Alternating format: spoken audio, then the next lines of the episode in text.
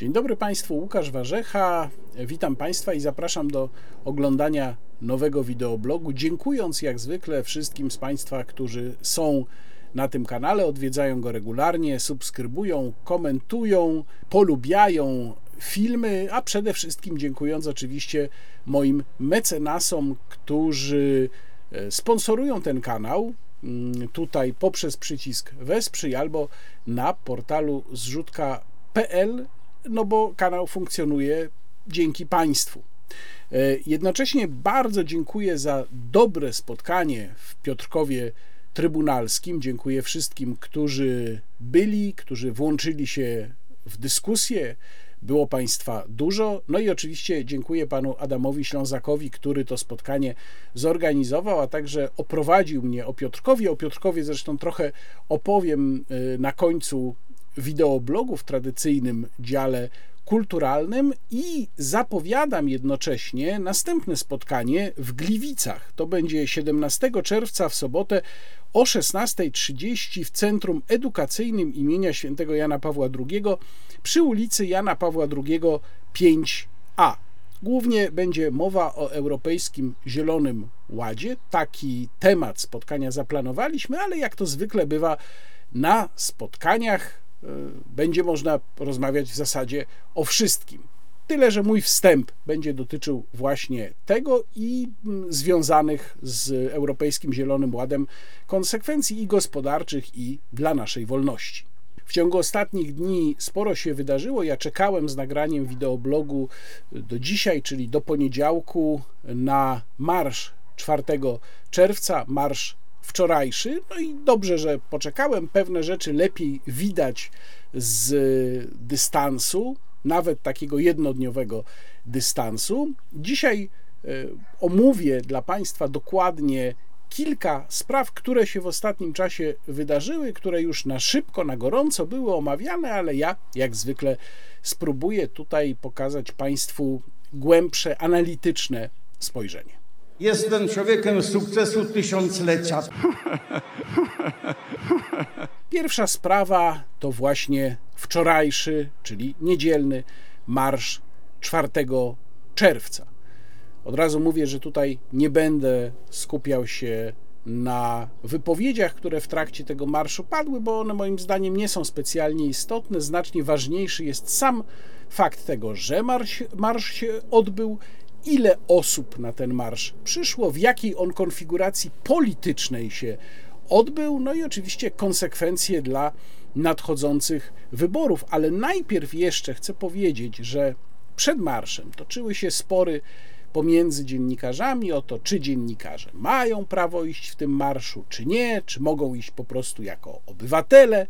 Mm, no, ja stoję konsekwentnie na stanowisku, że ponieważ dziennikarzem się jest właściwie przez cały czas, to jak się jest dziennikarzem, to się po prostu w tego typu wydarzeniach nie uczestniczy, no chyba, że się jest reporterem i że po reportersku się je mm, relacjonuje dla swoich odbiorców. Natomiast jako uczestnik ja w tego typu zgromadzeniach nie biorę udziału konsekwentnie. Byłem też zapraszany wielokrotnie do tego, żeby zabrać głos na jakichś wiecach, na tego typu spotkaniach ja zawsze konsekwentnie odmawiam. E, I rzeczywiście no, granica jest, można powiedzieć, płynna, bo ja też trochę rozumiem tych e, kolegów, którzy mówią: No dobrze, ale jestem dziennikarzem, ale jestem też obywatelem. Jeżeli uważam, że sytuacja w kraju jest poważna, no to jako po prostu zwykły obywatel idę. Właściwie takiej postawy nie potępiam, jeżeli ona nie ma bezpośredniego odbicia w pracy dziennikarza, ale sam nie podzielam takiego podejścia i sam na e, żadne tego typu wydarzenia nie chodzę. Jak Państwo też wiedzą, e, w pewnym momencie przestałem chodzić na Marsz Niepodległości, w momencie, kiedy uznałem, że z imprezy powiedzmy narodowej stał się bardziej imprezą partyjną, i tutaj też jestem w tej kwestii mm, e, konsekwentny. A teraz przechodząc do samego marszu. Pierwsza sprawa to to, że udało się uniknąć frekwencyjnej porażki. To była największa groźba, która nad tym marszem widziała. Mówiliśmy o tym zresztą w ostatnim podwójnym kontekście z profesorem Antonim Dudkiem, że zawsze jak się stawia na taką imprezę masową, jak się z niej robi jakiś ważny punkt w swoim zagraniu politycznym, to sporo się ryzykuje, bo y, takimi siłami organizacyjnymi, zwykłymi, partyjnymi można zgromadzić kilkanaście, kilkadziesiąt tysięcy ludzi. Oczywiście można. Natomiast nie da się zgromadzić więcej niż powiedzmy 40, może, może 50 tysięcy ludzi, no to już by było bardzo, bardzo dużo, jeżeli mówimy o takim zorganizowanym zwożeniu przez partię. Tutaj ewidentnie ludzi było więcej. Ja nie widziałem, prawdę mówiąc, żadnego w pełni wiarygodnego podsumowania, bo te liczby się bardzo wahają od y, stu kilkudziesięciu tysięcy do pięciuset tysięcy, ale sam stawiałem przed marszem jeszcze granicę tej porażki czy blamarzu gdzieś w okolicach, powiedzmy, no łagodnie mówiąc, 60 tysięcy, bardziej może 100 tysięcy. I tu w zasadzie nie ma wątpliwości. Ta granica została przekroczona, a to oznacza, że porażki frekwencyjnej, której mógł się obawiać Donald Tusk, nie było. I tu też trzeba od razu powiedzieć, że można sobie oczywiście na pewnych płaszczyznach z tego wydarzenia kpić. Tam były takie momenty, kiedy na pewno można sobie kpić i także, o czym również będę dalej mówił, była na tym marszu ekstrema antypisowska. To wszystko prawda. Natomiast kwitowanie tego takimi stwierdzeniami, że o tam blamasz, o kodziarstwo i tak dalej, no jednak świadczy o próbie zaklinania rzeczywistości. To tak nie wyglądało to było zbyt dużo osób, żeby można było uznać to po prostu za imprezę najczyściej partyjną. Była to również e, z tego powodu wygrana Donalda Tuska, że dzięki także z całą pewnością podpisowi pana prezydenta pod ustawą mm, o Komisji do Spraw Rosyjskich Wpływów, o której to ustawie będę obszernie mówił w dalszej części wideoblogu, E, udało się nie tylko zebrać więcej osób niż przyszłoby bez tego podpisu, ale również udało się podporządkować sobie przynajmniej na czas tego marszu innych liderów opozycji, poza oczywiście Konfederacją, która bardzo konsekwentnie pozostała z boku tego wydarzenia mm, przez cały czas na swoich kanałach społecznościowych, sygnalizując, że to jest tak naprawdę gra w duopol pomiędzy PiSem a Platformą. O tym też więcej za chwilę powiem. Natomiast rzeczywiście no tutaj dominacja Donalda Tuska nad Szymonem Hołownią, Władysławem Kosiniakiem-Kamyszem i Włodzimierzem Czarzastym była czytelna. Ale jest pytanie, czy to jest dominacja trwała? No przecież trudno sobie wyobrazić, żeby z powodu tylko tego jednego marszu wszyscy ci liderzy zgodzili się, żeby stworzyć z platformą jedną listę, kiedy obrali już, i to jest właściwie pewne, inny kurs na wybory. Ja już pomijam to, że ta jedna lista, nawet z punktu widzenia podziału mandatów, nie byłaby dla opozycji korzystna. To jest inna sprawa. Natomiast to jest w moim przekonaniu jednak krótkotrwały triumf Tuska w tym jednym dniu. Tak, on był pierwszy, rzeczywiście, on był najważniejszy, ale to było w tym jednym dniu z czasem, w ciągu kilkunastu dni, wszystko powróci do normalnego, wcześniejszego trybu, jeżeli chodzi o rozgrywki na opozycji. Ta sfera, w której może natomiast dochodzić do jakichś nieporozumień albo mogą się pojawić jakieś problemy, to jest start opozycji do Senatu. Bo o ile w przypadku list do Sejmu sprawa jest w zasadzie oczywista, przynajmniej tak się dzisiaj wydaje, czyli będziemy mieli trzecią drogę PSL plus Polska 2050, będziemy mieli Platformę, Koalicję Obywatelską i będziemy mieli nową lewicę, trzy listy opozycji e, tej bardziej na lewo, no i plus oczywiście Konfederacja, to w przypadku Senatu sprawa nie jest rozwiązana. No bo e, tam w zasadzie, przynajmniej tak w tej chwili takie jest założenie, powinno być tak, że w każdym okręgu senackim opozycja przedstawia tylko jednego kandydata. Opozycja z wyłączeniem Konfederacji przedstawia tylko jednego kandydata, czyli te e, trzy bloki mm, opozycyjne musiałyby się ze sobą w każdym z okręgów senackich porozumieć. No i tutaj może być bardzo ciekawie, bo przecież pakt senacki nie został jeszcze zawarty i tak naprawdę nie wiadomo, czy do tego porozumienia dojdzie. Tu, jeżeli nie dojdzie, to mogą być bardzo interesujące w niektórych okręgach mm, pojedynki. Myślę, że Donald Tusk również pod tym względem zaplanował ten marsz i jeżeli on tutaj coś chce ugrać, to chce prawdopodobnie ugrać właśnie ten pakt senacki, swoją dominację tutaj, ponieważ kwestia jednej listy to już nie jest aktualne.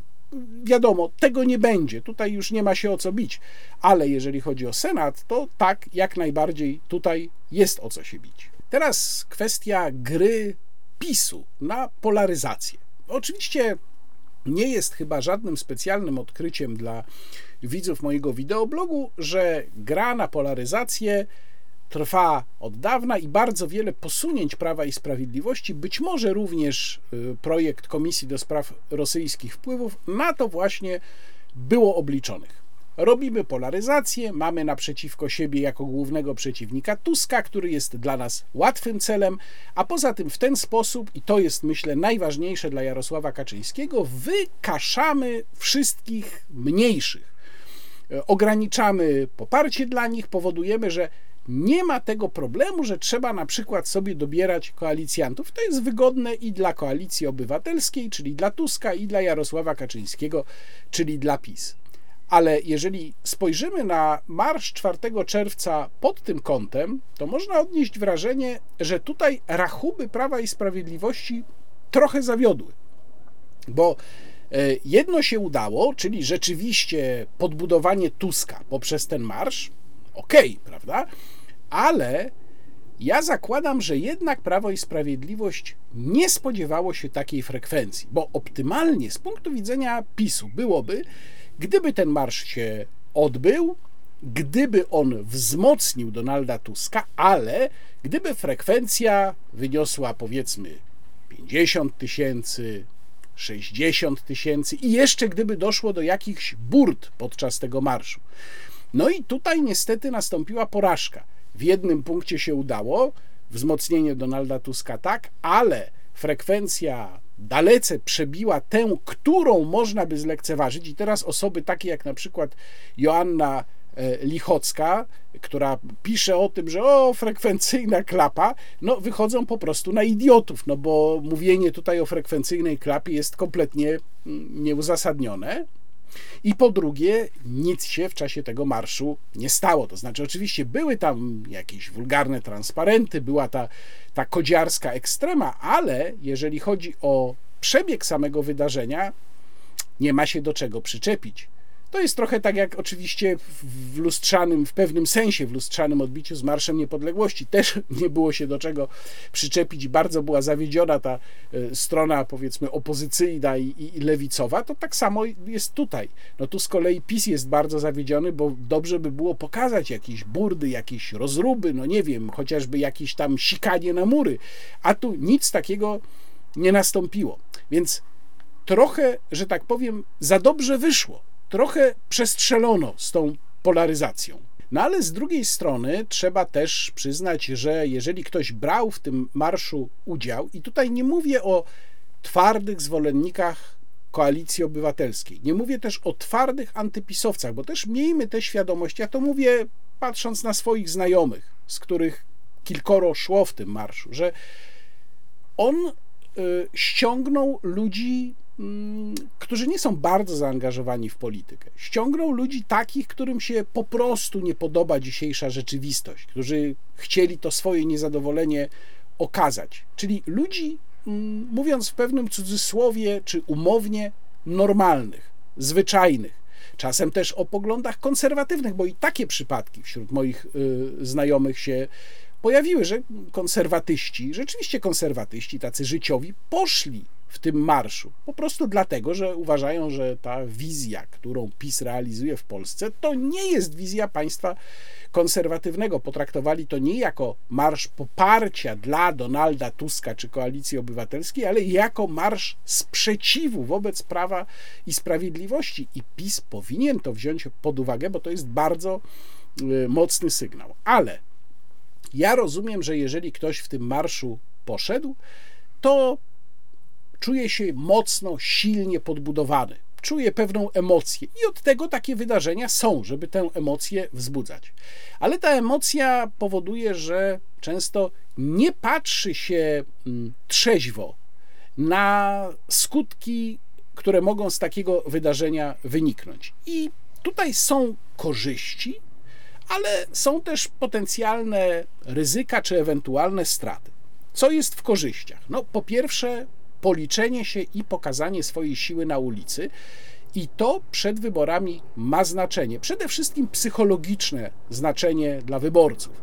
Pokazuje, mm, zwłaszcza wobec takiej, no powiedziałbym, flauty, która opozycję, tę spod znaku koalicji obywatelskiej mm, prześladowała, od miesięcy właściwie, że jednak można uwierzyć w zwycięstwo, że jednak jest ta siła, jest ta moc, jest nas dużo. To naprawdę ma psychologiczne znaczenie. To jest na pewno pierwsza e, korzyść.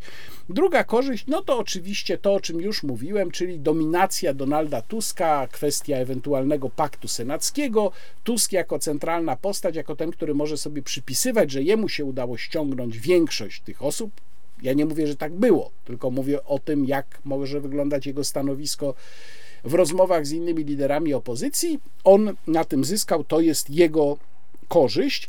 No i wreszcie taki marsz, ten marsz, może być impulsem do jakichś dalszych działań, dalszych kroków. Tylko pytanie, do jakich? I pytanie, czy jest na to jakiś pomysł. A teraz, jakie są minusy i jakie są ryzyka? Po pierwsze, to jest czas. Mamy początek czerwca, marsz odbył się 4 czerwca, wybory najprawdopodobniej 15 października. To jest bardzo dużo czasu. Jeszcze będą wakacje, emocje osłabną. Jeżeli nie ma pomysłu, a ja takiego pomysłu nie widzę na razie, na wykorzystanie energii pochodzącej z tego marszu, to ta energia po prostu zostanie zmarnowana. Do października może z niej nic nie zostać, bo też powiedzmy sobie szczerze, i to jest drugi minus tego wydarzenia, że tam nie pojawiło się nic świeżego, tam się nie pojawiło nic nowego, tam nie pojawił się żaden nowy argument, żadne świeże przesłanie. Tam cały czas była mowa przede wszystkim o tym, że musimy wygrać, trzeba PiS odciąć od władzy, rozliczyć i tak dalej. Tu też nic nowego specjalnie nie ma, a w tym, co mówi Donald Tusk, też nic nowego nie ma. Będę w następnej części wideoblogu omawiał dla Państwa wywiad Donalda Tuska z Newsweeka. Jeżeli chodzi o ludzi, którzy przyszli na ten marsz. O, niektórzy mówią świetnie, zmobilizowaliśmy właśnie, to pokazuje naszą siłę. Jak powiedziałem, rozumiem tę emocję. Natomiast uczestnikom rozentuzjazmowanym tego wydarzenia, którzy są w stanie jeszcze jednak myśleć trzeźwo i przyjmować argumenty, e, zwracam się mm, e, z taką uwagą.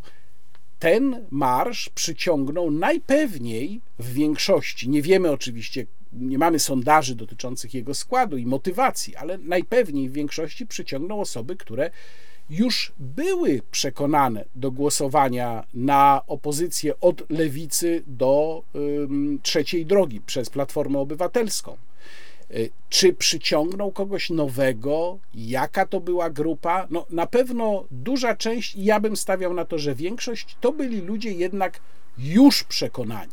Poszli ci już przekonani, więc jeżeli tu mówimy o jakiejś mobilizacji, to może wizerunkowo tak wpływać, ale sama obecność naprawdę dużej liczby ludzi na tej demonstracji nie oznacza, że to byli ludzie, którzy nagle się obudzili, a powiedzieli sobie: Dobra, to ja jednak pójdę i zagłosuję nie na PiS, ale na koalicję obywatelską, nie na PiS, ale na trzecią drogę.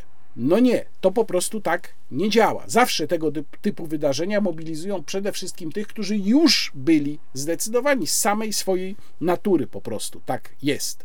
Wśród uczestników jakąś część, znów nie wiemy jaką, ale można założyć, że była to część uczestników, są osoby, które nadal się zastanawiają, co robić, które być może, tak jak ci wspomniani moi znajomi, poszli przede wszystkim po to, żeby pokazać swoją złość na PiS, ba, być może oni nawet cały czas rozważają głosowanie na PiS, ale uznali, że trzeba PiS postawić do pionu, pokazując, jak duża liczba ludzi pójdzie w tym wydarzeniu. Więc też trzeba brać pod uwagę, że grupa uczestników była bardzo zróżnicowana. To nie jest tak, że proporcjonalnie do liczby uczestników te trzy bloki opozycyjne zbiorą tak ogromną liczbę głosów w najbliższych wyborach. Zobaczymy wreszcie, czy w jakiś sposób znaczący zmienią się sondaże, bo przecież Platforma Obywatelska stoi niezmiennie, no przynajmniej do tego momentu, stała niezmiennie na tym poziomie dwudziestu paru procent poparcia.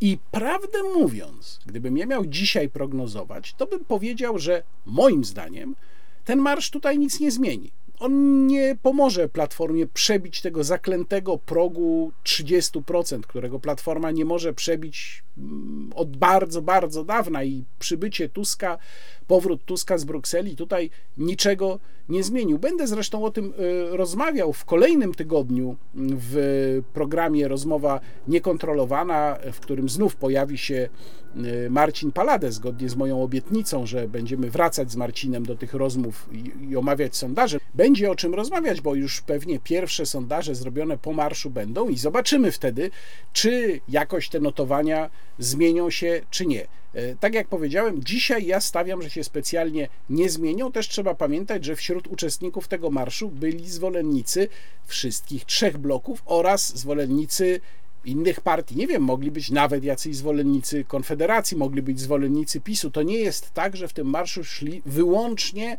zwolennicy koalicji obywatelskiej, którzy na pewno na koalicję obywatelską zagłosują, mam wrażenie, że niektórzy mm, y, uczestnicy czy sympatycy tego marszu, czy tych wydarzeń, bo przecież one się też odbywały w innych miastach Polski, takie właśnie mieli wrażenie, że to jest po prostu świadectwo poparcia dla Donalda Tuska i dla koalicji obywatelskiej. No nie, to jest jednak znacznie bardziej złożone. Natomiast na koniec powiedziałbym, że marsz jest potwierdzeniem, czy był potwierdzeniem dwóch tez, dwóch spostrzeżeń. Pierwsze, że w Polsce wciąż można swobodnie demonstrować, zwłaszcza w tej osi opozycyjnej, rządzący główna partia opozycyjna. Tutaj mamy wolność. W wielu innych sprawach ta wolność jest nam odbierana. Ja wielokrotnie o tym w wideoblogu mówiłem, ale jeżeli chodzi o zademonstrowanie swojego, swoich poglądów politycznych na tej osi głównego sporu, no to to można jeszcze swobodnie w Polsce e, robić. No i mm, druga sprawa to oczywiście duopol Temu właśnie ten marsz służył, o tym już mówiłem i przynajmniej chwilowo to udało się wzmocnić. Udało się wzmocnić tę oś konfliktu. Platforma Obywatelska czy Koalicja Obywatelska kontra Prawo i Sprawiedliwość. Tutaj obaj panowie mogą sobie zdalnie podać ręce. Jestem człowiekiem sukcesu tysiąclecia. Teraz chciałbym e, Państwa zainteresować wywiadem, którego Newsweekowi, a dokładnie Tomaszowi Sekielskiemu i Renacie Grochal, udzielił Donald Tusk. Wywiad ukazał się 29 maja, czyli kilka dni przed marszem 4 czerwca.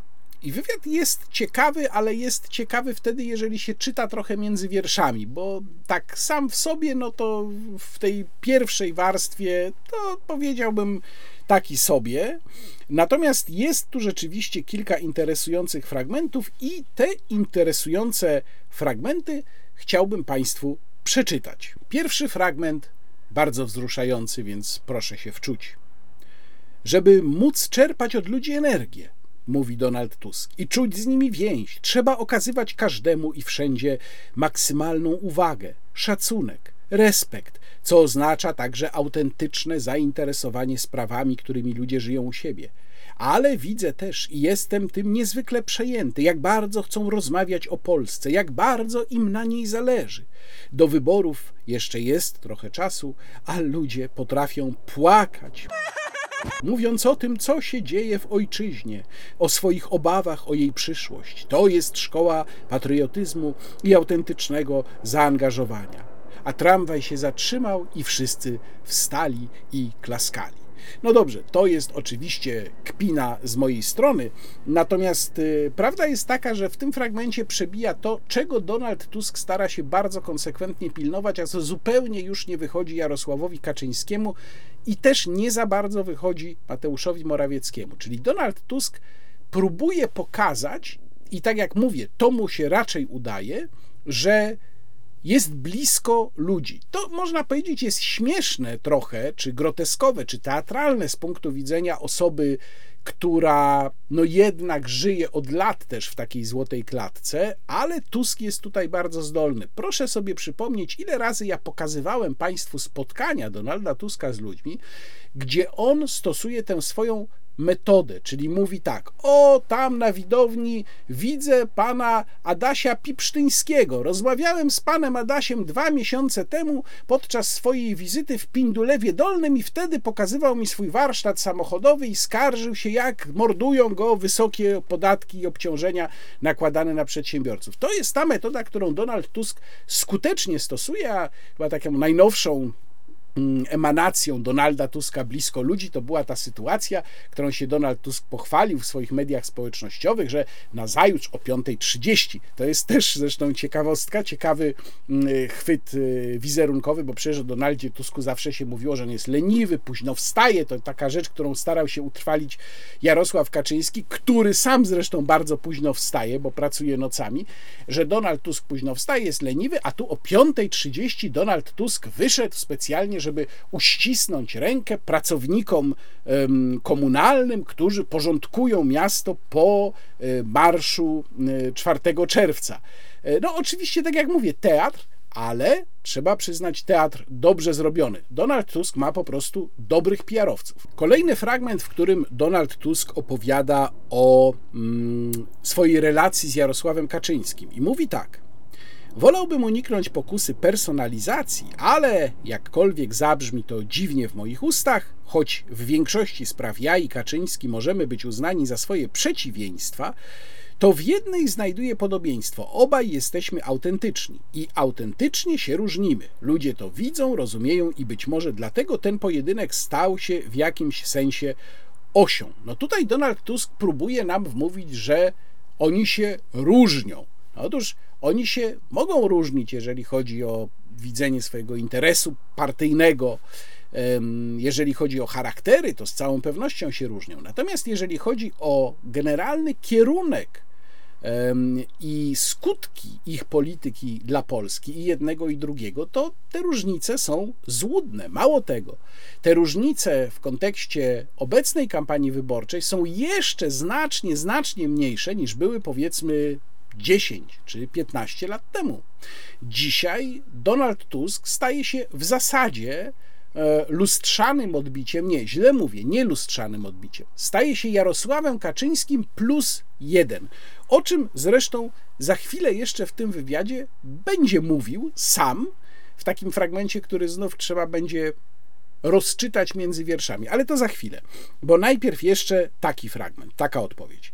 Na moich spotkaniach bardzo wiele osób ma oczekiwanie, żeby nasza wygrana była wstępem, jeśli nie do pojednania, to do powrotu elementarnej normalności, żeby przynajmniej zapanował polityczny rozejm między Polakami, między polskimi rodzinami. No więc ja, prawdę mówiąc, takiego oczekiwania, zwłaszcza na tych spotkaniach, na które przychodzą głównie przekonani i najbardziej zaangażowani, w ogóle nie widzę. Ja raczej widzę tam oczekiwanie, że będzie zemsta i rewanż, które mnie zresztą nie dziwią, bo dokładnie takie samo oczekiwanie pokazywali wyborcy Prawa i Sprawiedliwości w 2014 czy 2015 roku i ja wtedy przestrzegałem przed tym, że to nie może być układanie Polski na zasadzie rewanżu. No, stało się jak się stało. Niestety PiS dokładnie tą drogą poszedł, chociaż też można powiedzieć w stopniu umiarkowanym, bo przecież nie widzimy masowych procesów, a rzekomo materiał miał być na nie wiem jakie akty oskarżenia. Do tego oczywiście nie doszło. Natomiast jeśli chodzi o układanie pod siebie struktur państwa, to tak, tutaj rewanż nastąpił. I to jest w dużej mierze zgodne z oczekiwaniami twardego elektoratu PiS, i w tej chwili takie są lustrzane w stosunku do tamtych e, oczekiwania elektoratu Platformy Obywatelskiej. No więc nie wiem, jak tutaj Donald Tusk może twierdzić, że jest oczekiwanie jakiejś mm, normalności. I zaraz w następnej odpowiedzi, kiedy w jednej mówi Donald Tusk o tym pojednaniu, jakimś zrozumieniu, normalności, to w następnej odpowiedzi za chwileczkę mówi tak. Na pytanie, co pan czuje myśląc o Kaczyńskim, mówi: Nie zastanawiam się nad tym, nie chodzi o niego, tylko o to, co robi. Za jego sprawą w jego obozie pojawili się ludzie naprawdę odrażający, kreatury, które cynicznie wykorzystują dzieci w walce politycznej, kradną bezwstydnie i bez opamiętania patologicznie kłamią. No więc y, to jest ten właśnie język pojednania. I jeszcze trochę dalej Donald Tusk mówi tak, to jest największe dla mnie wyzwanie. Jak przekonać tych wszystkich, którzy są dzisiaj wściekli, że przejęcie władzy od PiS nie może oznaczać wiernej kopii tego, co było. Nie może być tak samo tylko w drugą stronę. Jeśli, a co z pokusą rewanżu? pytają dziennikarze. Jeśli zamienimy to słowo na rozliczenie tych, którzy popełnili przestępstwa, zgwałcili konstytucję, to potrzeba rozliczenia jest oczywista. No bardzo jestem tego rozliczenia, proszę Państwa, ewentualnego ciekaw, bo dokładnie to samo obiecywało Prawo i Sprawiedliwość w 2015 roku i w zasadzie nikomu włos z głowy nie spadł. No i teraz dłuższy fragment, ale istotny, bo obiektem pytania, indagacji dziennikarzy stają się symetryści. To przypomnę, symetryści to ci najgorsi, to najbardziej znienawidzeni. Oni są gorsi niż pisowcy, bo są tacy niby nasi, ale nie nasi. Zresztą tak samo są traktowani y, ci y, przez tych z drugiej strony. Słowo symetryzm, tłumaczy Donald Tusk, nie zostało wynalezione w Polsce na użytek opisu pewnych dziennikarek i dziennikarzy, którzy wedle własnego mniemania zachowują zdrowy rozsądek i równy dystans. Wedle własnego mniemania, należy zauważyć. O symetryzmie w życiu publicznym mówiono dziesiątki lat temu, a ostatnio w czasie wielkich pojedynków demokratów z Trumpem. Dziesiątki lat temu, nie przypominam sobie, no ale nie wiem, co dokładnie Donald Tusk ma na myśli. Rozumiem ekspertów, komentatorów i dziennikarzy, którzy chronią naturalną, ale też zdrową i pożądaną potrzebę ratowania normalności, nawet jeśli wszystko wokół jest nienormalne. Mm, rolą dziennikarza jest być wnikliwym, ale przede wszystkim krytycznym wobec wszystkich aktorów życia publicznego. Ta neutralność polityczna powinna być wpisana w etos zawodu, a nie być wyjątkiem. Problem polega na tym, że my nie żyjemy w normalnej rzeczywistości i nie możemy zamykać oczu na to, że media w swojej przygniatającej większości, mówię o zasięgach, to są dzisiaj narzędzia do realizowania bardzo opresyjnej władzy PiS i Kaczyńskiego, także wobec mediów.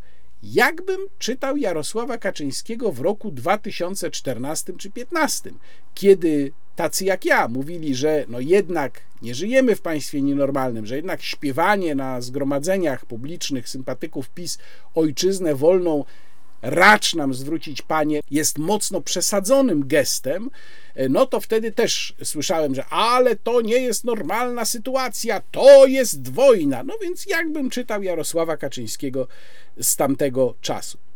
Wobec uporczywego dewastowania demokracji, mówi Donald Tusk, nie można mieć stanowiska neutralnego.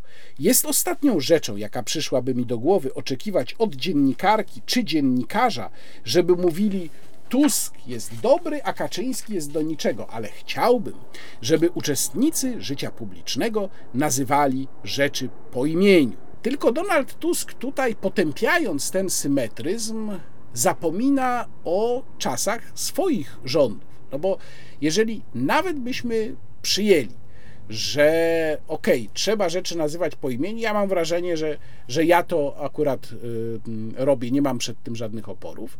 Natomiast ja po prostu pamiętam, jak wyglądały rządy Platformy i uczciwie przyznaję, że PiS podniósł te patologie, które Platforma stworzyła na nowy poziom. To zresztą już przyznawałem kilkakrotnie, że to jest platforma plus jeden, co najmniej plus jeden, jeżeli nie plus dwa, w pewnych sprawach być może nawet plus pięć. No ale mimo wszystko to nie oznacza, że ten punkt wyjścia czy punkt odniesienia, jakim były rządy platformy, e, stracił e, cechy negatywne, że możemy uznać, że tam to było w porządku. E, no nie, ja pamiętam jak było i stąd te deklaracje Tuska nie budzą we mnie dzisiaj zaufania. Co więcej, Donald Tusk mówi tutaj tylko o odnoszeniu się obserwatorów do Prawa i Sprawiedliwości, a jakoś kompletnie umyka mu, że przecież my, dziennikarze, publicyści, odnosimy się też do dzisiejszej koalicji obywatelskiej, której różnego rodzaju zagrywki, a przede wszystkim przelicytowywanie PiS w obietnicach mogą budzić uzasadnione, no mówiąc najdelikatniej, zastrzeżenia. I o tym właśnie za chwilę będzie Donald Tusk mówił w tym wywiadzie. Ale najpierw pada jeszcze między innymi pytanie o e, rozdzielanie funkcji prokuratora generalnego i ministra sprawiedliwości. I mówi Donald Tusk tak: taki mam cel. I jednocześnie przestrzegam wszystkich, którzy przygotowują się do przejęcia władzy, żeby nie wpadli w pułapkę myślenia, że teraz my będziemy mieć prokuraturę, TVP, trybunał i wtedy im pokażemy. Jeśli rozliczenie nie będzie nacechowane partyjnością, może służyć uzdrowieniu sytuacji, pojednaniu, a przynajmniej rozejmowi społecznemu.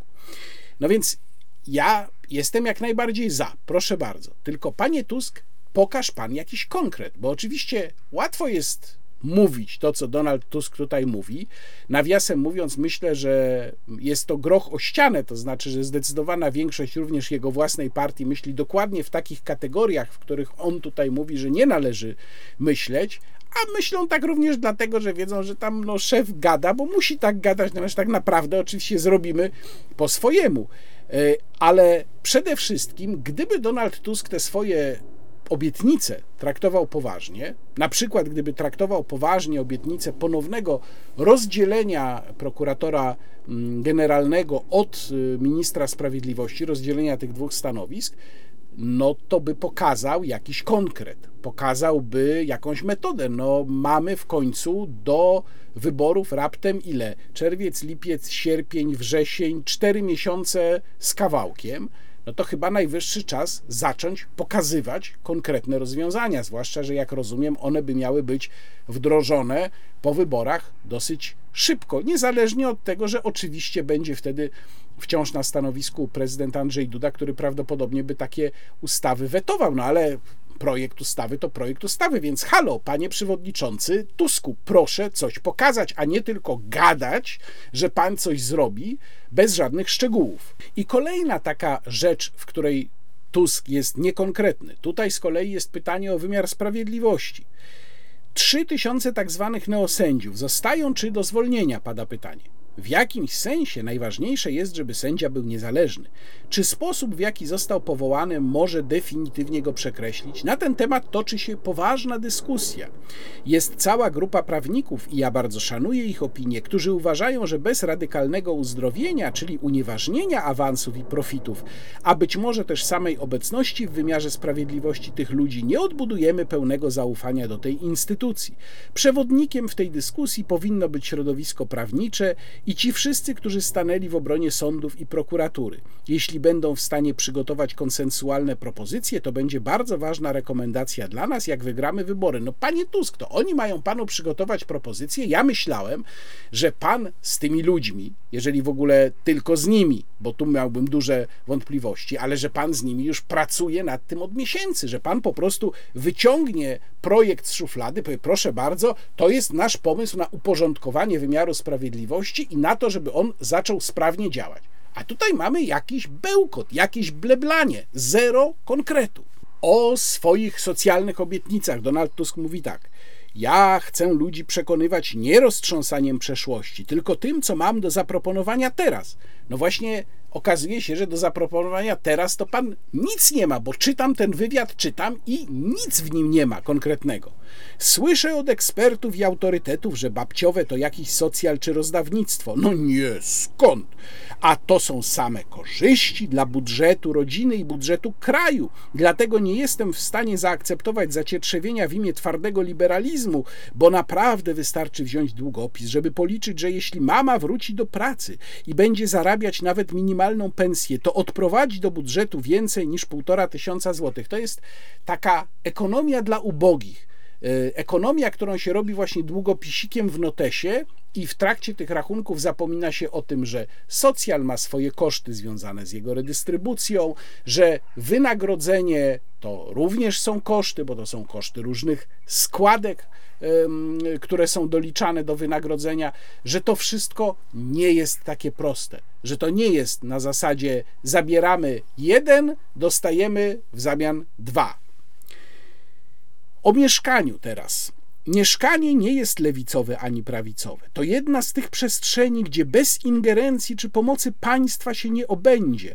I naprawdę to nie ma nic wspólnego z ideologią, mówi Donald Tusk, świeżo nawrócony socjalista o demografii, co ma do powiedzenia Donald Tusk. Na szczęście już chyba większość Polek i Polaków rozumie, że godność, wolność, prawa kobiety, wsparcie państwa, które pomaga kobiecie w ciąży, a nie ją straszy, są dla gotowości rodzenia i wychowania dzieci ważniejsze niż bezpośredni zastrzyk gotówki. Przed chwilą, przypominam, Donald Tusk mówił, że zastrzyk gotówki dla babci jest bardzo ważny i kluczowy.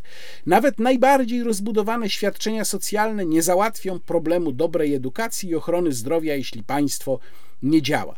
No więc Rzeczywiście, ja też uważam, że przelewy socjalne nie załatwią demografii i zgadzam się, że 500 plus, no to widać po prostu w statystykach, niczego tu nie załatwiło. Ale znów, to jest tylko pustosłowie. Nic za tym nie idzie. Jeżeli przyjmiemy, i myślę, że to jest dobre założenie, które również uzasadniają badania na ten temat, że do rodzenia dzieci e, zniechęca między innymi poczucie bezpieczeństwa, komfortu, które obywatel ma w państwie, czyli tego, jak państwo do niego podchodzi, to czekam na te propozycje, panie Tusk. Co pan tutaj ma do zaproponowania? Na razie nic. Słyszę tylko, że trzeba odsunąć PiS od władzy i nic ponadto. I teraz dochodzimy do tego bardzo ciekawego fragmentu, w którym Donald Tusk mówi o tym, jak daleko posunie się w obietnicach. Oczywiście nie wprost. Tutaj jest pytanie o krytykę Leszka Balcerowicza, która wylała się na Donalda Tuska w momencie, kiedy powiedział, że zamiast 500 plus będzie 800 plus. I Donald Tusk mówi tak. A wiecie, ilu ludzi mnie za to chwali? Bardzo szanuję profesora, ale mamy inny pogląd na kwestie polityczne i systemowe. Dziś to ja muszę wygrać wybory. Leszek Balcerowicz ich za mnie nie wygra. I dalej, i to jest najważniejszy fragment, mówi tak. PiS wie, że nie będzie już mogło bezkarnie obiecywać i zyskiwać w ten sposób przewagi, bo chyba im dość dobitnie powiedziałem – nie licytujcie się, nie obiecujcie złotych gór, bo ja i tak nie ustąpię i będę za każdym razem sprawdzał, czy traktujecie serio swojego wyborcę. Jak czytać tę wypowiedź? Ano bardzo prosto. Jeżeli PiS coś obieca, to ja natychmiast obiecam to samo plus jeden albo razy dwa, nawet bardziej razy dwa. I teraz tylko jest pytanie, czy to oznacza, że Tusk mówi tutaj wyłącznie o swojej taktyce wyborczej, to znaczy będę obiecywał, a potem to tam się zobaczy i tak kasy na to wszystko nie będzie, czy też mówi o tym, że rzeczywiście ma zamiar to po wyborach zrealizować, no to wtedy naprawdę trzymajmy się, bo jak to kiedyś powiedział klasyk, poważna ekipa bierze się za nasze portfele. Da pan 800 plus, jeśli wygracie wybory? Pada pytanie. Od razu, jak tylko będziemy mogli zebrać Sejm, powiada Donald Tusk. Jeszcze o CBA.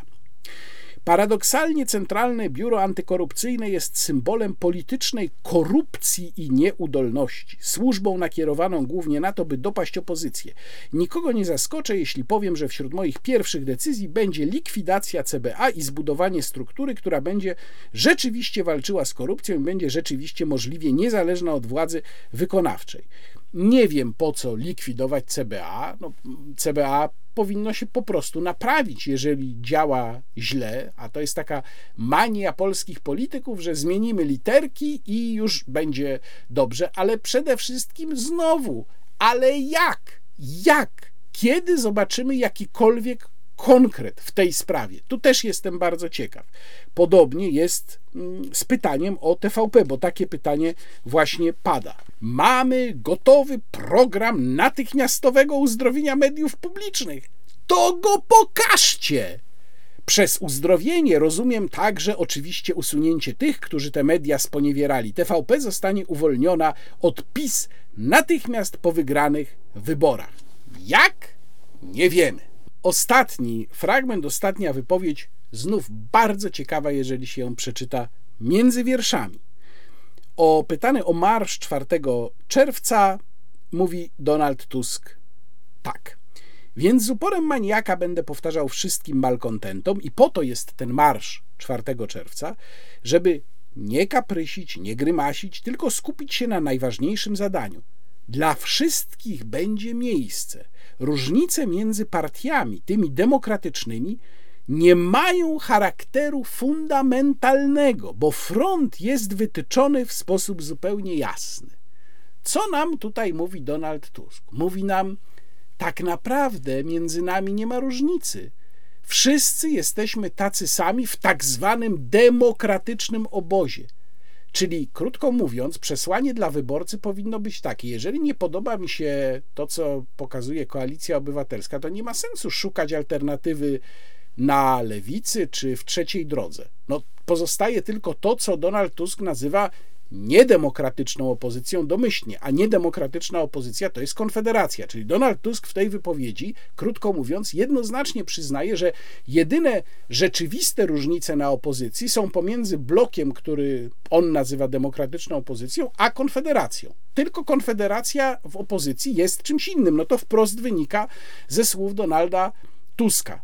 No i oczywiście też jest czymś innym, to jest jasne, niż prawo i sprawiedliwość. Krótko mówiąc, Donald Tusk bardzo barwnie opowiada o tym, jak to on Polskę urządzi. Für Deutschland. Natomiast nie zaszczyca nas w tej opowieści ani jednym szczegółem.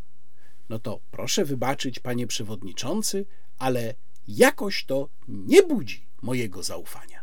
Jestem człowiekiem sukcesu tysiąclecia. Teraz dużo miejsca poświęcę ustawie o Komisji do Spraw Rosyjskich Wpływów, mimo że już to robiłem. Ja już zajmowałem się tą ustawą, jej projektem wtedy jeszcze, w styczniu w swoim wideoblogu. Opowiadałem Państwu o tym, jakie ryzyka ze sobą niesie. Napisałem wtedy tekst o tym na portalu onet.pl. Nikt nie był zainteresowany.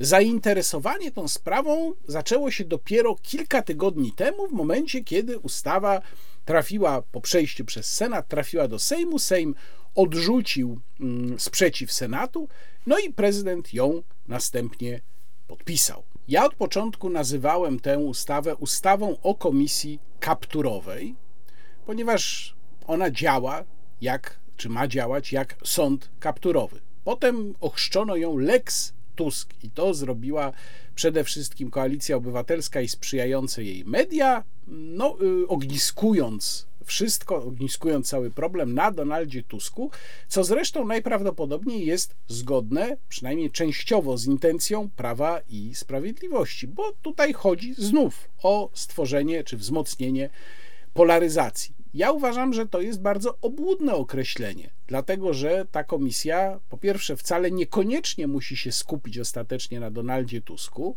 może się skupić na przykład na politykach Konfederacji, ale przede wszystkim w takim kształcie, w jakim ona w tej chwili ma powstać, to jest y, organ, który może przeczołgiwać i dręczyć zupełnie zwykłych obywateli.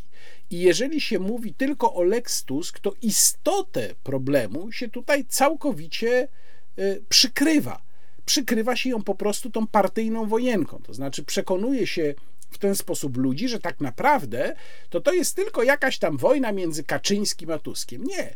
To jest wojna Prawa i Sprawiedliwości z pewnymi demokratycznymi pryncypiami, z wolnościami obywatelskimi, nie z Donaldem Tuskiem. Z Donaldem Tuskiem to w ogóle być może akurat najmniej. Dlatego nie używam nazwy Lex Tusk w tym przypadku.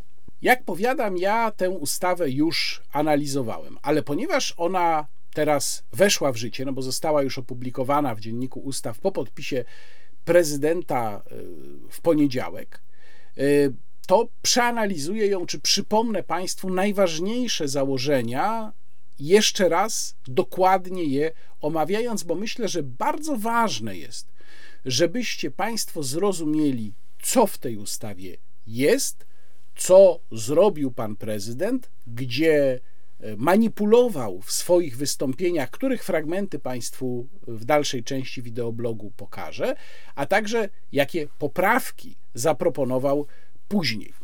A więc jakie są najważniejsze elementy ustawy, która została przez pana prezydenta podpisana? Pierwsza sprawa to kwestia wpływów rosyjskich. Co to są te wpływy rosyjskie? Otóż tego nie wiadomo, ponieważ teoretycznie ustawa zawiera definicję różnych używanych tam określeń, ale definicja wpływów rosyjskich jest skonstruowana w taki sposób, że jest, ona jest zbudowana na zasadzie idem per idem, czyli to samo przez to samo, lub ewentualnie ignotum per ignotum, nieznane przez nieznane. Krótko mówiąc, mówi się, że wpływy rosyjskie sprowadzają się w zasadzie do każdego działania osób jakoś tam powiązanych z Federacją Rosyjską, a nawet osób, które działały na zlecenie tych osób. I to mają być wpływy rosyjskie. Czyli nie mamy tutaj definicji wpływów rosyjskich, a to oznacza, że będą sobie mogli je dokładnie definiować według własnego uznania członkowie komisji.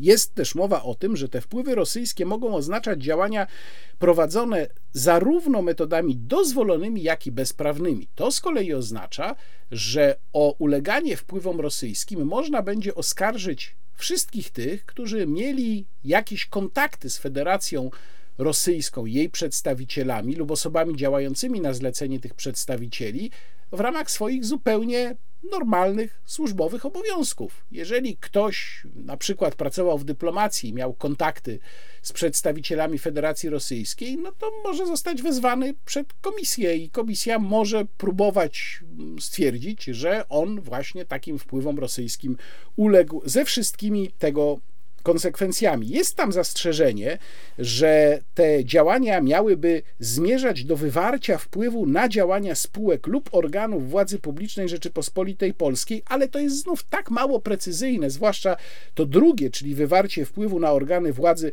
publicznej Rzeczypospolitej Polskiej, że można tu w zasadzie pod to podciągnąć wszystko. No bo wyobraźmy sobie, że ten wspomniany przeze mnie dyplomata czy pracownik MSZ rozmawiał z jakimś pracownikiem y, aparatu dyplomacji y, rosyjskiej i ten pracownik aparatu dyplomacji rosyjskiej mówił mu, y, no nie róbcie tego i tego, bo to może wywołać problemy. No czy to nie była próba wywarcia wpływu na organy Rzeczypospolitej Polskiej? Oczywiście, że była i już komisja ma podstawę do działania. Jeżeli chodzi o skład komisji, komisja ma się składać z dziewięciorga członków wybieranych zwykłą większością przez Sejm. Kandydatów mają wyznaczać w maksymalnej liczbie tych dziewięciorga tylko kluby, czyli koła nie. No i myślę, że to jest celowe, czyli Konfederacja wylatuje, no bo Konfederacja ma koło, a nie klub. Nie ma też, to jest ważne, nie ma też żadnego wymogu proporcjonalnej reprezentacji. Taki wymóg proporcjonalnej reprezentacji, mało tego, również kół parlamentarnych jest w ustawie o Sejmowej Komisji Śledczej.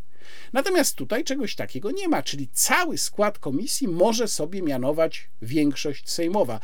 To jest dosyć istotne w kontekście tych porównań, na przykład z komisją Rywina, których używał pan prezydent. Tu trochę już wybiegam naprzód, recenzując jego mm, uzasadnienie dla podpisania ustawy. Otóż pan prezydent tu manipulował, bo tak jak powiedziałem, wszystkie sejmowe komisje śledcze, e, komisja Rywina do spraw PZU, do spraw VAT, do spraw, do spraw Amber Gold były powoływane na podstawie ustawy o Sejmowej Komisji Śledczej, która wprost mówi, że skład komisji ma proporcjonalnie odzwierciedlać skład Sejmu, również jeżeli chodzi o koła poselskie. A tutaj takiego wymogu, jak powiedziałem, nie ma. Mogą to być dowolne osoby, to nie muszą być posłowie, nie muszą być posłowie członkami tej y, komisji, a przewodniczącego sobie w dowolny sposób wyznacza premier. Również premier wyznacza e, czy nadaje regulamin komisji. Członkowie komisji nie mogą być pociągnięci do odpowiedzialności za swoją działalność w jej ramach, a to oznacza, proszę Państwa, że faktycznie są bardziej bezkarni niż sędziowie w Polsce. Kim komisja się zajmuje.